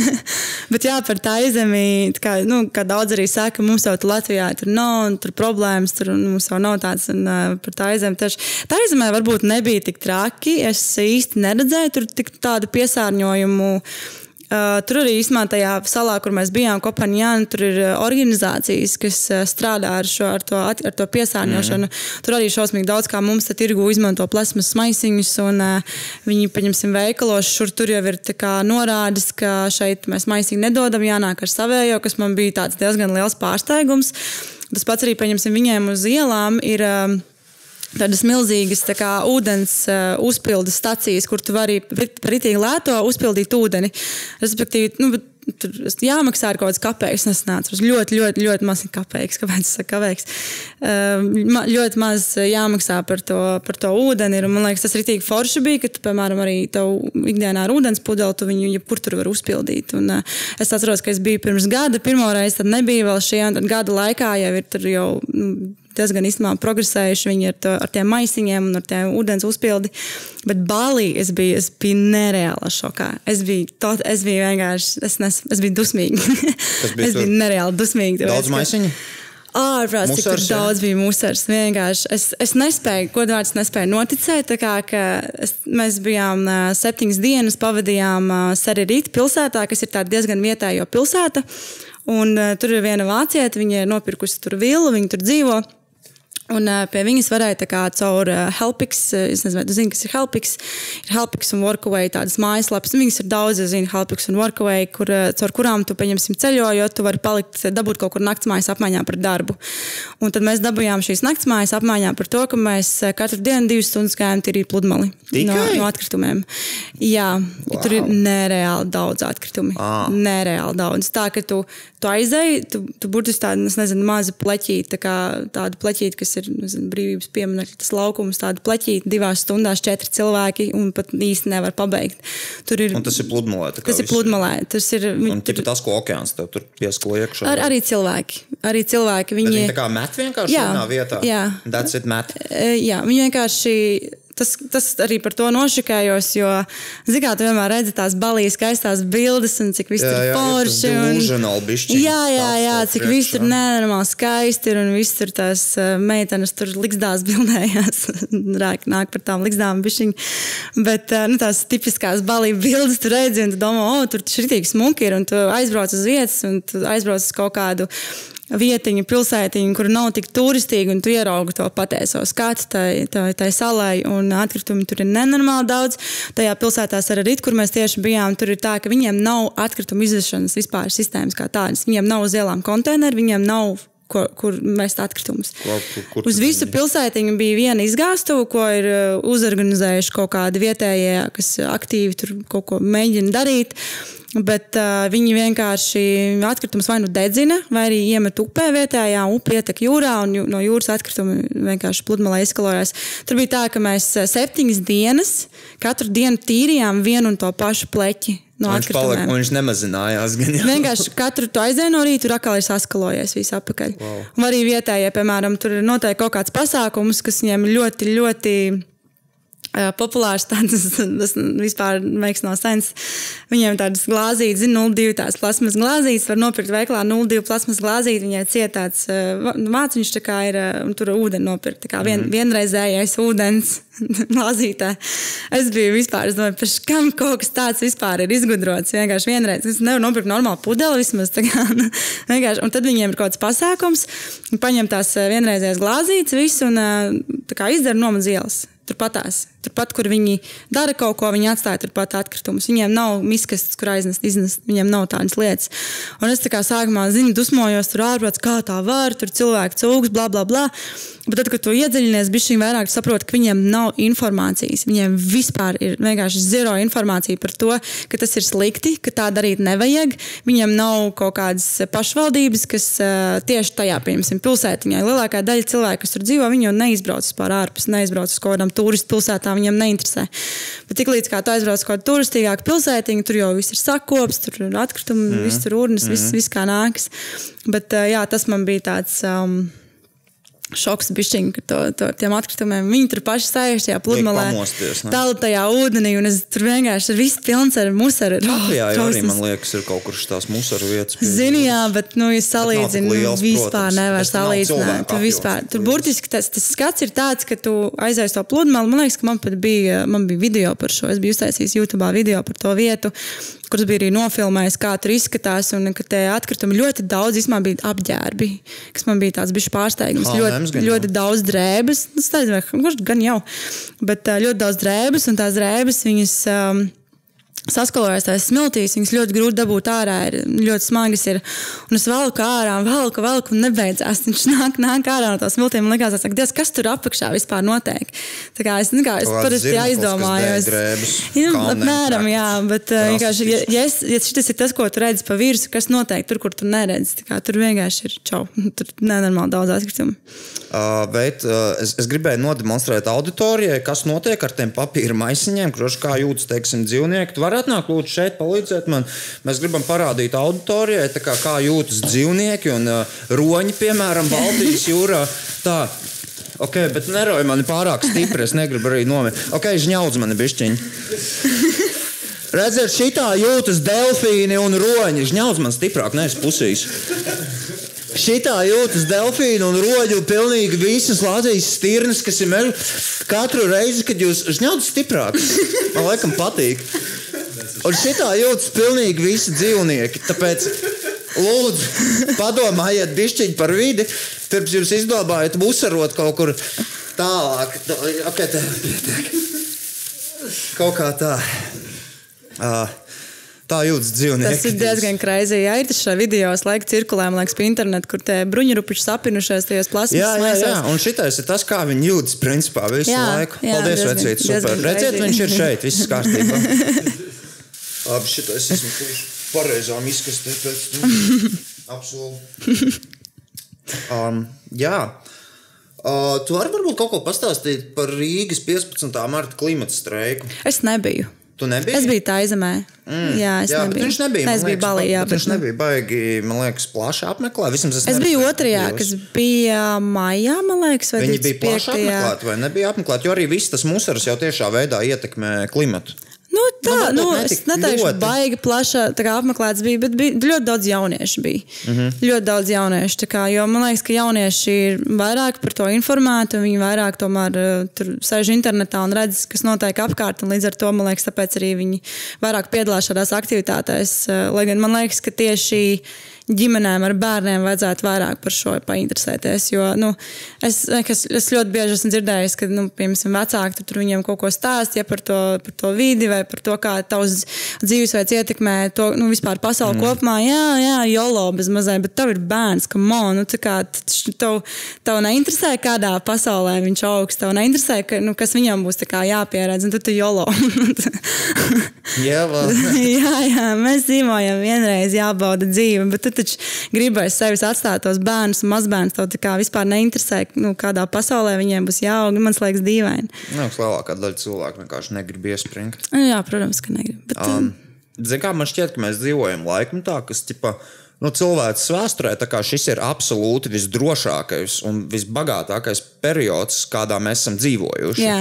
Bet konsumerisms, tā kā tā mūsu ārprātīgā patērēšanas kultūra, viņa neiet kopā ar resursu taupību. Tā kā mēs dzīvojam pišķiņa pretēji. Tipa, it kā jā, mums ir viss, visdrošākais, labākais periods, bet tas konsumerisms.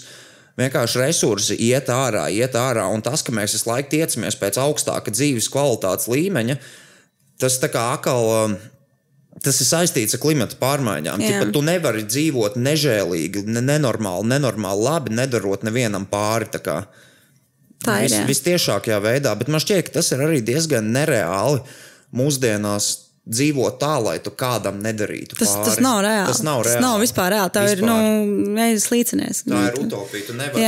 Tu, tu, pat dzīvojot mežā, vidū, būdā, darīsi kādam pāri. Tur jau tā lieta, tas arī dzīvo. tas, nav eh, kas man tā kā bišķiņ, es nezinu, besīja, ka cilvēki bez mazai, ka viņi, es nezinu, kāpēc iedomājas, ka es esmu nenormāli perfekti, tā kā, kad es visu, ko es daru, ir jābūt nenormāli perfekti. Tad nedod Dievs, tu kaut ko izdarīsi tādu, kas uh, būs, oh, tu nositi odu bez manis. Tu nedrīkst braukt ar mašīnu. Jā, jā, jā, jā, jo mušas sitīsies veistiklā un tev nogalinās dzīvniekus. Vai arī tu nedrīkst iet pa mežu, jo tu samīdīsi skudras. Nu, šitādas galējības, tā kā totāls, bet uh, nu, jā, tad man ir jāskaidro. Nu, Izlasa definīciju lūdzu vegānismam. Tā kā, ko tas nozīmē vispār? Vēl ir, man liekas, tas, ka daudzi jauc vegānismu ar zero kā kopā. Viņam liekas, ka, ja tu esi vegāns, tad arī nedrīkst plasmas lietot nu, vispār ikdienā. Bet nu, tās ir pilnīgi divas dažādas lietas. Es vienkārši, jā, man nepatīk, ka cilvēki tur miksē kopā. Es esmu pati dzirdējusi, ka uh, man bija viens piedāvājums uh, kādām kosmētikas produktiem, un meitene vienkārši stāstīja, jā, ka, nu, ka viņi, nu, viņi nesaka cilvēkiem, ka tas ir vegāniski, jo viņš nāk plasmas iepakojumā. Tas, ko? Nu, tā kā, kāpēc? Kāds, kāds sakars? Kad, tāpēc, ka nu, daudziem ir tas, ka vegāni ļoti daudz pievēršās arī zero waste automāts, jo nu, tas, kā, tas it kā iet roku rokā, bet tas nav viens un tas pats. Līdz ar to arī ir tas, ir tas ka tu tā kā esi vegāns, tad tu bez mazai neko nedrīkst. Tu nedrīkst ne ar mašīnu braukt, tu nedrīkst ar lidmašīnu lidot, tu nedrīkst ar kuģi. Tu vispār Dzīvo mežā. Jā, jā, tu dzīvo mežā un, ā, es nezinu, pa gaisu jālido. Nu, citādi ne, nedrīkst staigāt, jo tu mm. samīdīsi kaut kādas kukainīšas. Augiem arī nedrīkst kāpt virsū. Kā neviens negrib dzīvot sliktāk, visi grib dzīvot tikai labāk, bet man šķiet, ka tas vispār nav savienojams kopā ar kaut kādu zemeslodes labāku nākotni, ja vienīgi mēs neatrodam kaut kādus alternatīvus jaunus. Ir, ir iespēja. Man liekas, ka ko, nu, ko kuram nozīmē dzīvot labāk. Ko, kurš saprot, ar dzīvot labāk? Vienam dzīvot labāk nozīmē pirkt uh, mantas, visādas laika lietas, pirkt visu laiku, tērēt Lielāku naudu. teļuku, lielāku mašīnu. Jā, jā, jā, piemēram, ā, es nezinu, man kaut kādas, man, man lietas vairs neizraisa kā emocijas kaut kādas. Man tas ir tikai tāda praktiska lieta, ka es, nu, protams, man patīk aiziet ar shoppingā, bet es uz humpalām, es iepērkos, un 90% apģērbi ir no humpalām. Un, uh, Bet man tas tā kā vairs neizraisa tādu prieku kā agrāk, ka tu, kā, tu strādā, lai tērētu naudu kaut kādās lietās, un tad tu mūždien dzīvo no algas līdz algai, jo tev nav naudas, jo tu esi nopircis kārtējo kaut kādu sūdu H&M vai kaut kādā zārā vai, es nezinu, fast fashion kaut kādu drēbu lēto, kuru tev pēc, es nezinu, varbūt maksimums gadu izvilks, un tu viņu pēc tam izmetīs un pirks atkal jaunu.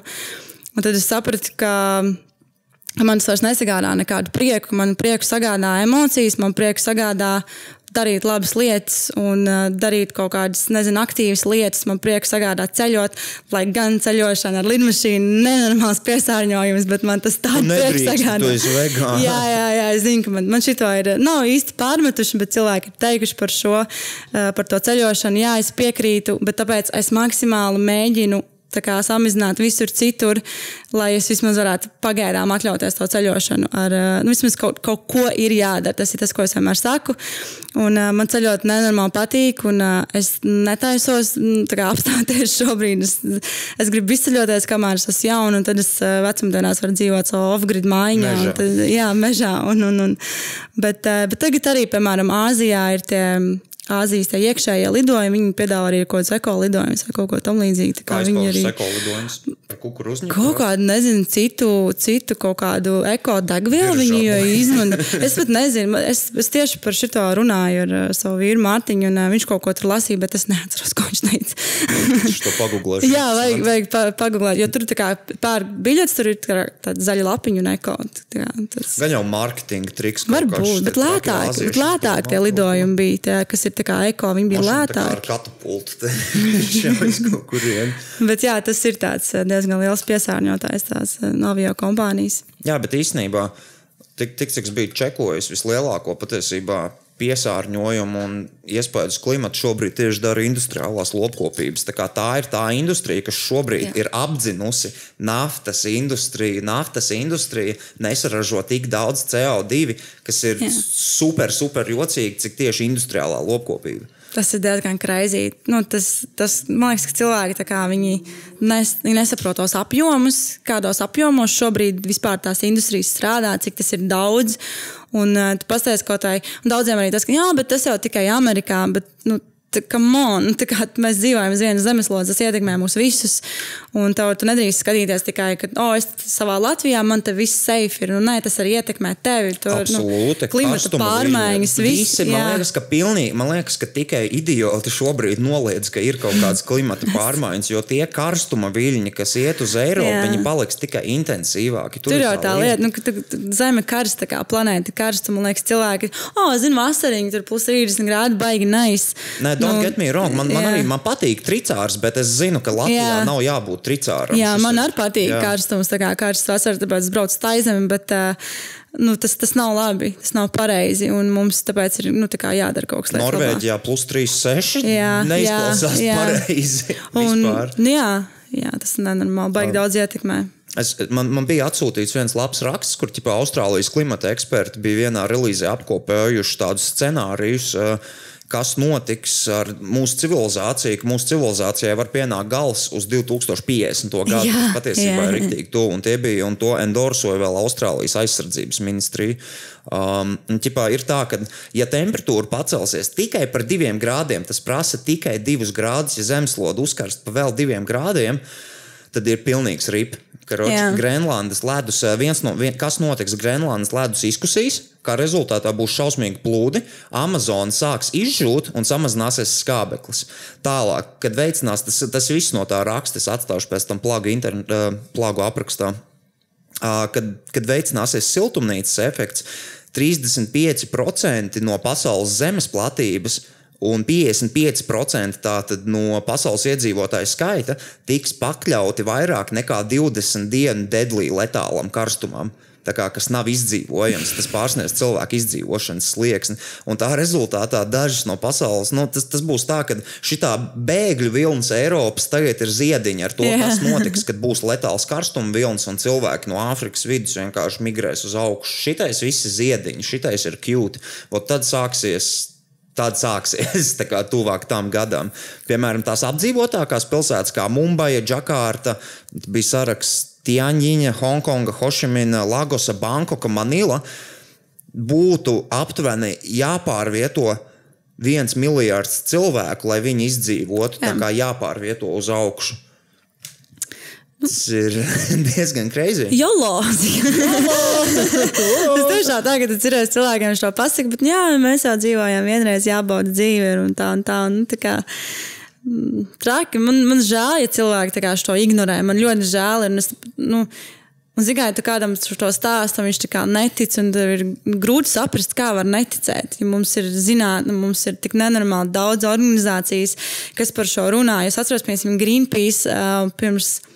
Es neatceros, pirms cik gadiem tika uztaisīta tā filma Kauspairisī. Es nezinu, vai tas viņa redzējis. Uh, Kauspairisī bija tieši par to. Uh, ļoti laba filma. uh, Par to, kā industriālā lopkopība ietekmē planētu. Un tur viss izskaidros, cik daudz resursu tiek patērēts, cik daudz uh, ūdens tiek patērēts, lai uzražotu vienu burgeri, cik daudz baigi, baigi sīki, forši smalki. Uh, viss bija izstāstīts. Un, un, un, un, un, un, jā, un tad es atceros, ka tajā filmā tas džeks, kas taisīja to filmu, viens no viņiem, viņš sazinājās ar Greenpeace organizāciju. Tas bija pirms vairākiem gadiem. Greenpeace organizācija to laiku nesadarbojās ar viņiem, jo uh, nebija vēl tik daudz tās informācijas, un Greenpeace organizācija viņi negribēja sadarboties, jo ir bijuši gadījumi, kad cilvēki šo te sāk par šo te runāt, un uh, viņi vienkārši pazūd. Nu, viņi vienkārši pazūd šie cilvēki, žurnālisti. Un, uh, Tā kā tiek- Krievija. Jā, apmēram, jo tās organizācijas viņas ir nenormāli milzīgas. Tās industrijas viņām ir ļoti, ļoti liela ietekme. Jo tur jau nāk, tur jau nav tikai lopkopība, tur jau nav tikai tās industriālā lopkopība, tur nāk arī farmācijas. Un jau farmācijām arī ir izdevīgi, kad ir šīs industriālās lopkopības. Un, tāpēc ļoti daudzi tika apklusināti, bet jā, paiet rekur vairāk gadi, un zinātnieki vairāk par to sāk runāt. un Tagad arī Greenpeace par to runā publiski. Arī viņi savā mājaslapā tur ir, tur ir raksti par to, ka ir jāsamazina. Tas ir tā kā emergency, kad ir jāsamazina tas patēriņš, tā, tā produktu patēriņš. Jo tas vairs nav tā, ka tikai. Ah, nu mēs tagad kaut ko sāksim darīt lietas labā. Tas ir reāli, to vajag darīt tagad. Ja tas nav tā, ka mēs varam gaidīt vēl, es nezinu, pāris gadus tur kā, un skatīties, nu kā tas nu būs. Man, man, man, man atklāti sakot, šķiet, ka tipa, pilnībā izslēgt to produktu patēriņu kaut kādas attīstītākās pasaules valstis ar ļoti radikāliem soļiem varētu nu, moška 30 gadu laikā.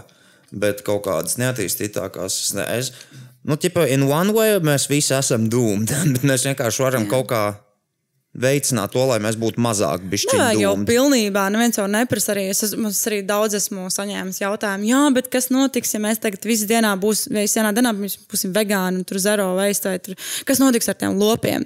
Viņi pārņems pasauli. Jā, iz- izrāpos jā, jā, jā, tas ir. lo- astoņu kāju no okeāna, uzdibinās civilizāciju. Es, bet es tiešām to esmu dzirdējis no cilvēkiem, ka lopi pārņems pasauli un uh, tad uh, viņi mūs nogalinās un bla bla bla. Un, uh, bet neviens jau, neviens jau neprasa tā kā vienā dienā. Tagad tev, nu, tas galvenais ir samazināt kaut kādus soļus, radīt. Uh, tā, nu, Es nezinu, lai mm. būtu tas efekts kaut kāds labāks, kaut kādas mazas pārmaiņas ikdienā veikt. Tas, tas nav grūti, tas reāli nav grūti. Um, man vēl bija izlicis viens citāts tipa, uh, no tā paša raksta, tipa ķēdes reakcija, kas notiks, kad uh, sāksies tā ekstremālā migrācija tā uz augšu. Tipa arī piekrastes uh, pilsētas, visas īpaši Nīderlandē, ASV, Dienvidāzijā un Ķīnā. Tur sāksies uh, kari starp valstīm par resursiem. Tur būs ļoti daudz bruņoti konflikti starp tautām, ka tieši sāksies tā nekontrolējama milzīgā migrācija. Tagad jau tie, kas te kliedz, ka Latvijā ir 56 bēgļi, pielieciet tam 56 klāt. 4 nulles kaut kādas, un tas būs absolūti mazākais, ko mēs dabūsim, kad sāksies rīktīgais Jā. vilnis. Tā kā jūs 56, that's cute. Tipa pielieciet 4 nulles, un Tas būs tas, kas būs pēc 20 gadiem Latvijā. Cilvēki to nesaprot. Viņi kā, ne, es, nezinu, es nezinu, kā tas tā kā. Jā, tur staigās tevis sargi muceniekos, starp tādu milzīgu simts tūkstošu cilvēkiem, pumpaini nacisti. Yeah. Tāpatās atradīs kādu citu, ko vainot, nevis savas dzīves izvēles. Kā Cilvēki vienmēr atrod kādu, ko vainot. Jā, jā. valdības vainīgas nevarētu kaut ko izdomāt. Atlaist saimu. Pēc 30 gadiem atkal atlaist saimu. Um, kā tev liekas, ko mēs katrs varam kā individs darīt, lai uzlabotu situāciju ar baby steps? Nu, daudz ko, ļoti daudz ko var darīt. Tur tās, tās, nezinu, tās lietas ir ļoti daudz. Atkarībā no cik tu pats daudz gribi vispār darīt. Jo, piemēram, tu vari, es nezinu, salmiņus nomainīt, ja pret uh, šos, es vispār nesaprotu, kā jēga no salmiņiem ir, bet cilvēkiem baigi patīk metāla salmiņi. Un tu vari, Tā ir nezinu, modes lieta, Tā, ir, tā nav slikta Tā nav slikta, tā ir modes lieta. Es piekrītu. Uh, man pašai ir metāla salmiņš, bet Kur es tu viņu, es viņu izmantoju. Es viņu iegādājos tikai tāpēc, ka es braucu uz tā zemi, un tā zemē es dzeru koksriekstus. Un, lai padzertos koksriekstus, tev reāli vajag nu, tā kā salmiņu, lai viņi normāli padzertos. Un tur viņi visur, kur tu ej pēc koksriekstus, viņi dod tev uzreiz līdzi to plasmas salmiņu. Es viņu nopirku tikai, nu, pareizi sakot, man- uzdāvināja māsītes to salmiņu uh, tikai priekš tā zemes ikdienā. Es viņu neizmantoju, tāpēc es arī citiem saku, ja tu neizmanto ikdienā to lietu, tev nevajag viņu tikai tāpēc, ka visiem viņa ir. Un tas ir ļoti, ar ļoti daudziem zero waste produktiem. Ir tā, ka cilvēki viņus pērk tikai tāpēc, ka viņiem, oh, man liekas, ka man vajag šito, jo tas ir foršs produkts. Kā Tas ir itīgais hype, jā, un uh, man liekas, ka svarīgāk ir mēģināt vispār samazināt tās lietas, ko tu ikdienā kaut ko pērc un ko tu lieto, un padomāt, vai tev vispār to vajag, vai tev vispār tas ir nepieciešams, kāpēc tu viņu lieto, piemēram. Tas ir tas konsumerisms, tas ir spilgts Jā, piemērs. Mums jā. bija, mums bija ar uh, draugu tā, šitais visspilgtākais konsumerisms izpausme. Mēs aizbraucām uz IKEA, jo es biju redzējis, ka tur ir, kad mēs sākām šķirot atkritumus. Pirms kāda laika es redzēju, o, tur ir tie atkritumi šķirošanas bini, tā kā nu, tie tur. Un es staigāju, meklēju, o, jā, man vajag nopirkt, un tā es sāku šķirot visu pareizi, un tad es tā atdūros. Pagaidi, tās ir vienkārši kastes. Man nevajag kastes, lai es tā kā ieliktu plasmasas pudeli, plasmasas maisā, rīmī, ko es aiznesīšu, tā kā uz šķirotavu. Man nevajag kasti no IKEA pa 30 eiro nopirkt, lai es mestu viņā iekšā musaru. Kā Man, man tas nav vajadzīgs. Tāpēc tur jau tā lieta, ka tu domā, jā, jā, vai, tev, vai tev to tiešām vajag, vai tu actually bez tā var arī iztikt. Un tā ir ar daudzām lietām. Piemēram, es arī sāku aizdomāties, man tas, eh, tas waste vispār, tas, tādas lietas man tas nāca, nu, nezinu, maziem solīšiem, jo es tad, kad pievērsos vegānismam, es vispār pat atkritumus vēl nešķiroju. Man, jo vegānisms man bija tikai all about animals. Man nebija nesvarīgi savu veselību, es biju rītīgs junk food vegan. Es uh, ne, vispār nešķiroju, man vispār neinteresēja planēta kā tāda tajā brīdī. Un, um, Jā, un es kaut kā pamazām, ā, palielam, nu, daļai pateicoties manam vīram Mārtiņam, kurš viņš atkal ir totāli par, par dabu, vienmēr bijis tur par elektroautorātu un tur ļoti, ļoti liels fanāts tur Teslai un tādām lietām. Un, ā, tas bija viens no pirmajiem jautājumiem, kur viņš man uzdeva, kad mēs sākām sarakstīties, ā, vai tu šķiro atkritumus. Nā, labs kā- Jā, tas bija viens, viens no pirmajiem. Es, tas bija tiešām pašā kaut kādā sarakstā sākumā, vai tu šķiro atkritumus. Un ā, es tādu, nē, es nešķiroju. Kāpēc? Es saku, man nav īsti kur. Man, es dzīvoju to laiku Bolderājā, man nebija kur šķirot atkritumus, tur pie mājas nav tie konteineri. Un viņš saka, bet varbūt tev tuvumā ir veikals, tu ej uz veikalu droši vien regulāri, tev varbūt tur tuvumā ir. Un es nekad tā nebiju aizdomājusies. Un, protams, es, eh, nu, ar mani ir tā, ka es ļoti ātri uzsūdzu kaut kādu informāciju. Ja man cilvēks kaut ko saka, šitā ir labāk, es, es protams, es to ņemšu vērā. Es, kā, es to pārbaudīšu pati, bet es to vienmēr ņemšu vērā. Un, Un tad es, jā, es aizgāju tur pie mājas veikalos, man tur bija tur ir vairāki atkritumu šķirošanas konteineri. Tā es sāku šķirot atkritumus. Pēc tam jau, tad pirmā, kad tu sāc šķirot, saproti, bācis izmanto ļoti daudz tie atkritumu, ļoti daudz tie sūdi, ko es ikdienā pērku. Un tad tu sāc domāt, kā lai to samazinu. Un tad tu sāc domāt, ko, ko tu vari savā ikdienā, nezinu, pieņemsim, šampūnu pudeles, nenormāli daudz meitenēm, visādi krēmu un visādas tādas lietas un kosmētikas. Un es sapratu, ka man tas rada nenormāli daudz atkritumus. Arī, um, Tas pašs mēnešreizes meitenēm, tas ir vispār greizi. Vispār Tas crazy. ir greizi. Tas ir vienkārši. Tas ir tik crazy. Pau, vienkārši ārprāts. Tās visas paketes un tamponi, un tas ir, ne, tie ir nepārstrādājumi atkritumi. Viņus nevar nekādi pārstrādāt. Vienkārši es, tas, tas, man liekas, meitenes- viņiem ir jādara? Viņi vienkārši kā, kas miskastē. Parastajā misnā? Jā, vienkārši Viņas parastajām. pārstrādāt, Nē, jā? nekādā, nekādā nu jā, veidā. sense, jā, pareizi. Ie, iepakojumu, man liekas, tu vari pārstrādāt, bet to pašu to izlietoto produktu nevar pārstrādāt. Un, uh, man, tas arī bija mans vīrs, kurš man iepazīstināja ar menstruālo piltuvi. Es uh, sākumā biju tāda, nu, tā kā, what the fuck, kaut kāda tur piltuve jābāž tagad iekšā. Tas, tu neesi pats sieviete, ko tu man te bāzies virsū savām piltuvēm? Jā, nu viņš tā kā interesējas par dabu, līdz ar to viņš zina tādas uh, visādas lietas. Specifiskas. Jā, un es biju bišķiņ šokā, ka viņš, eh, viņš man atsūtīja kā linku, vai tu zini, kas ir menstruālā piltuma. Tāds kā tu vispār kaut ko tādu zini. Bet eh, jā, es sāku, protams, interesēties par to un sāku tur lasīt visādas atsauksmes un sāku skatīties YouTube video par to un sapratu, ok, es laikam gribu izmēģināt. Un uh, tas bija laikam trīs gadi atpakaļ.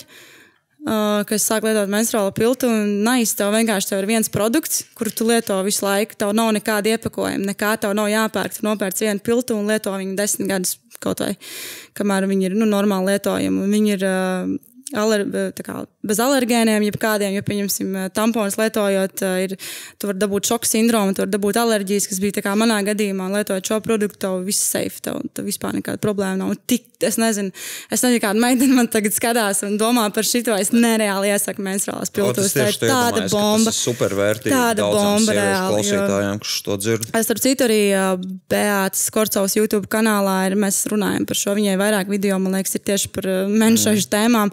Un mēs arī runājam par menstruālu piltuvēm, dalījāmies ar savu pieredzi un uh, tur rādījām, kā viņas izskatās. Tā kā jā, var aiziet, paskatīties. Bet es tiešām iesaku, es nereāli, es tieši, es, tas, es nezinu, man tā atvieglo manu ikdienu. Tu vari sportot, tu vari peldēt, tu vari iet znūdis pludmali, tu vari, es nezinu, tu vari darīt visu, tu vari braukt ar ričuku, tev vispār nekādas problēmas nav. Ir tīpaši vasarā. Es nezinu, man liekas, meitenes, kuras uh, vasarā ir lietojušas paketes, zina, cik tas ir fucking tā kā pretīgi. Nu, ah, Fui, es pat negribu atcerēties. Tie bija traki laiki. Ok, tad um, vai tev, teiksim, uz podkāstu beigām ir kaut kas, ko tu vēlētos noplagot? Nu, atskaitot piltūs, protams, kaut kas, ko tu vēl vēlētos noplagot, varbūt kas drīzumā no tevis sagaidāms, kur tu parādīsies, vai kādu, pie kāda video strādā vai kaut ko. Mm. Jā, es, man, man parasti kaut kāda vloga ir manā YouTube kanālā, bet es strādāju arī tagad pie video. Es gribu vairāk taisīt uh, video tieši par šādām tēmām, par kaut kādām vairāk par. Uh, Rādīt piemēru. tipu. Jā, rādīt Jā, jā. piemēru vai stāstīt kaut ko vairāk. Tas ir tas iemesls, kāpēc mēs ar vīru domājam par to podkāstu. Jo mēs, eh, mums ļoti patīk eh, runāties arī savā starpā. Mēs ļoti bieži vienkārši sēžam mājās divānā un vienkārši runājam par visādām tēmām. Mēs, eh, Būtu jocīgi, ja jūs sēdētu un klusētu mājās. Divāni, tā kā, mm, Man liekas, ir tāda pārīšana. ir, jā. Bet tā, jā, mums ļoti patīk diskutēt arī savā starpā. un Arī mums ir tā, ka mūsu viedoklis vienmēr sakrīt. Mēs tāpat diskutējam, mēs analizējam visu kaut ko. Un tad mēs sapratām, ka būtu nice varbūt uztaisīt tādu kā podkāstu savējo, kur mēs vienkārši sēžam savā starpā, kaut vai runājamies par kaut kādām svarīgām tēmām. Un, un, un, un jā, kaut, kaut, kaut kā tā. Cool. Es atstāšu tos sociālos linkus uh, aprakstā. Paldies! Paldies, ka tu biji šodien ar mums pēdējā pilītē. Es ceru, ka tev šī pieredze patika. Jā, Bija paldies, forši. ka tu uzaicināji. Es vispār biju ļoti, ļoti priecīga, ka tu Ļoti, uzaicināji. ļoti atsvaidzinoši. Tāpēc es pārāk daudz čūku mums pēdējā laikā bijuši. Šis bija šausmīgi atsvaidzinoši, tiešām patīkami. Paldies, Elektrika Artlife, šeit aiz kameras veids. Paldies, ka tu piepalīdzēji ar šo te ļoti svarīgi. Un, jā, es esmu atstājis tātad paldies ELT vēlreiz par segmentu sākumā. Esmu atstājis mana balss linku arī uz kur nobalsot. Un, un, un kas vēl? Ah, jā, un ja jūs šito klausāties Apple podkāstā, ielieciet tās piecas zvaigznes. Tas ir baigi svarīgi. Paldies, tiekamies nākamajā pilītē.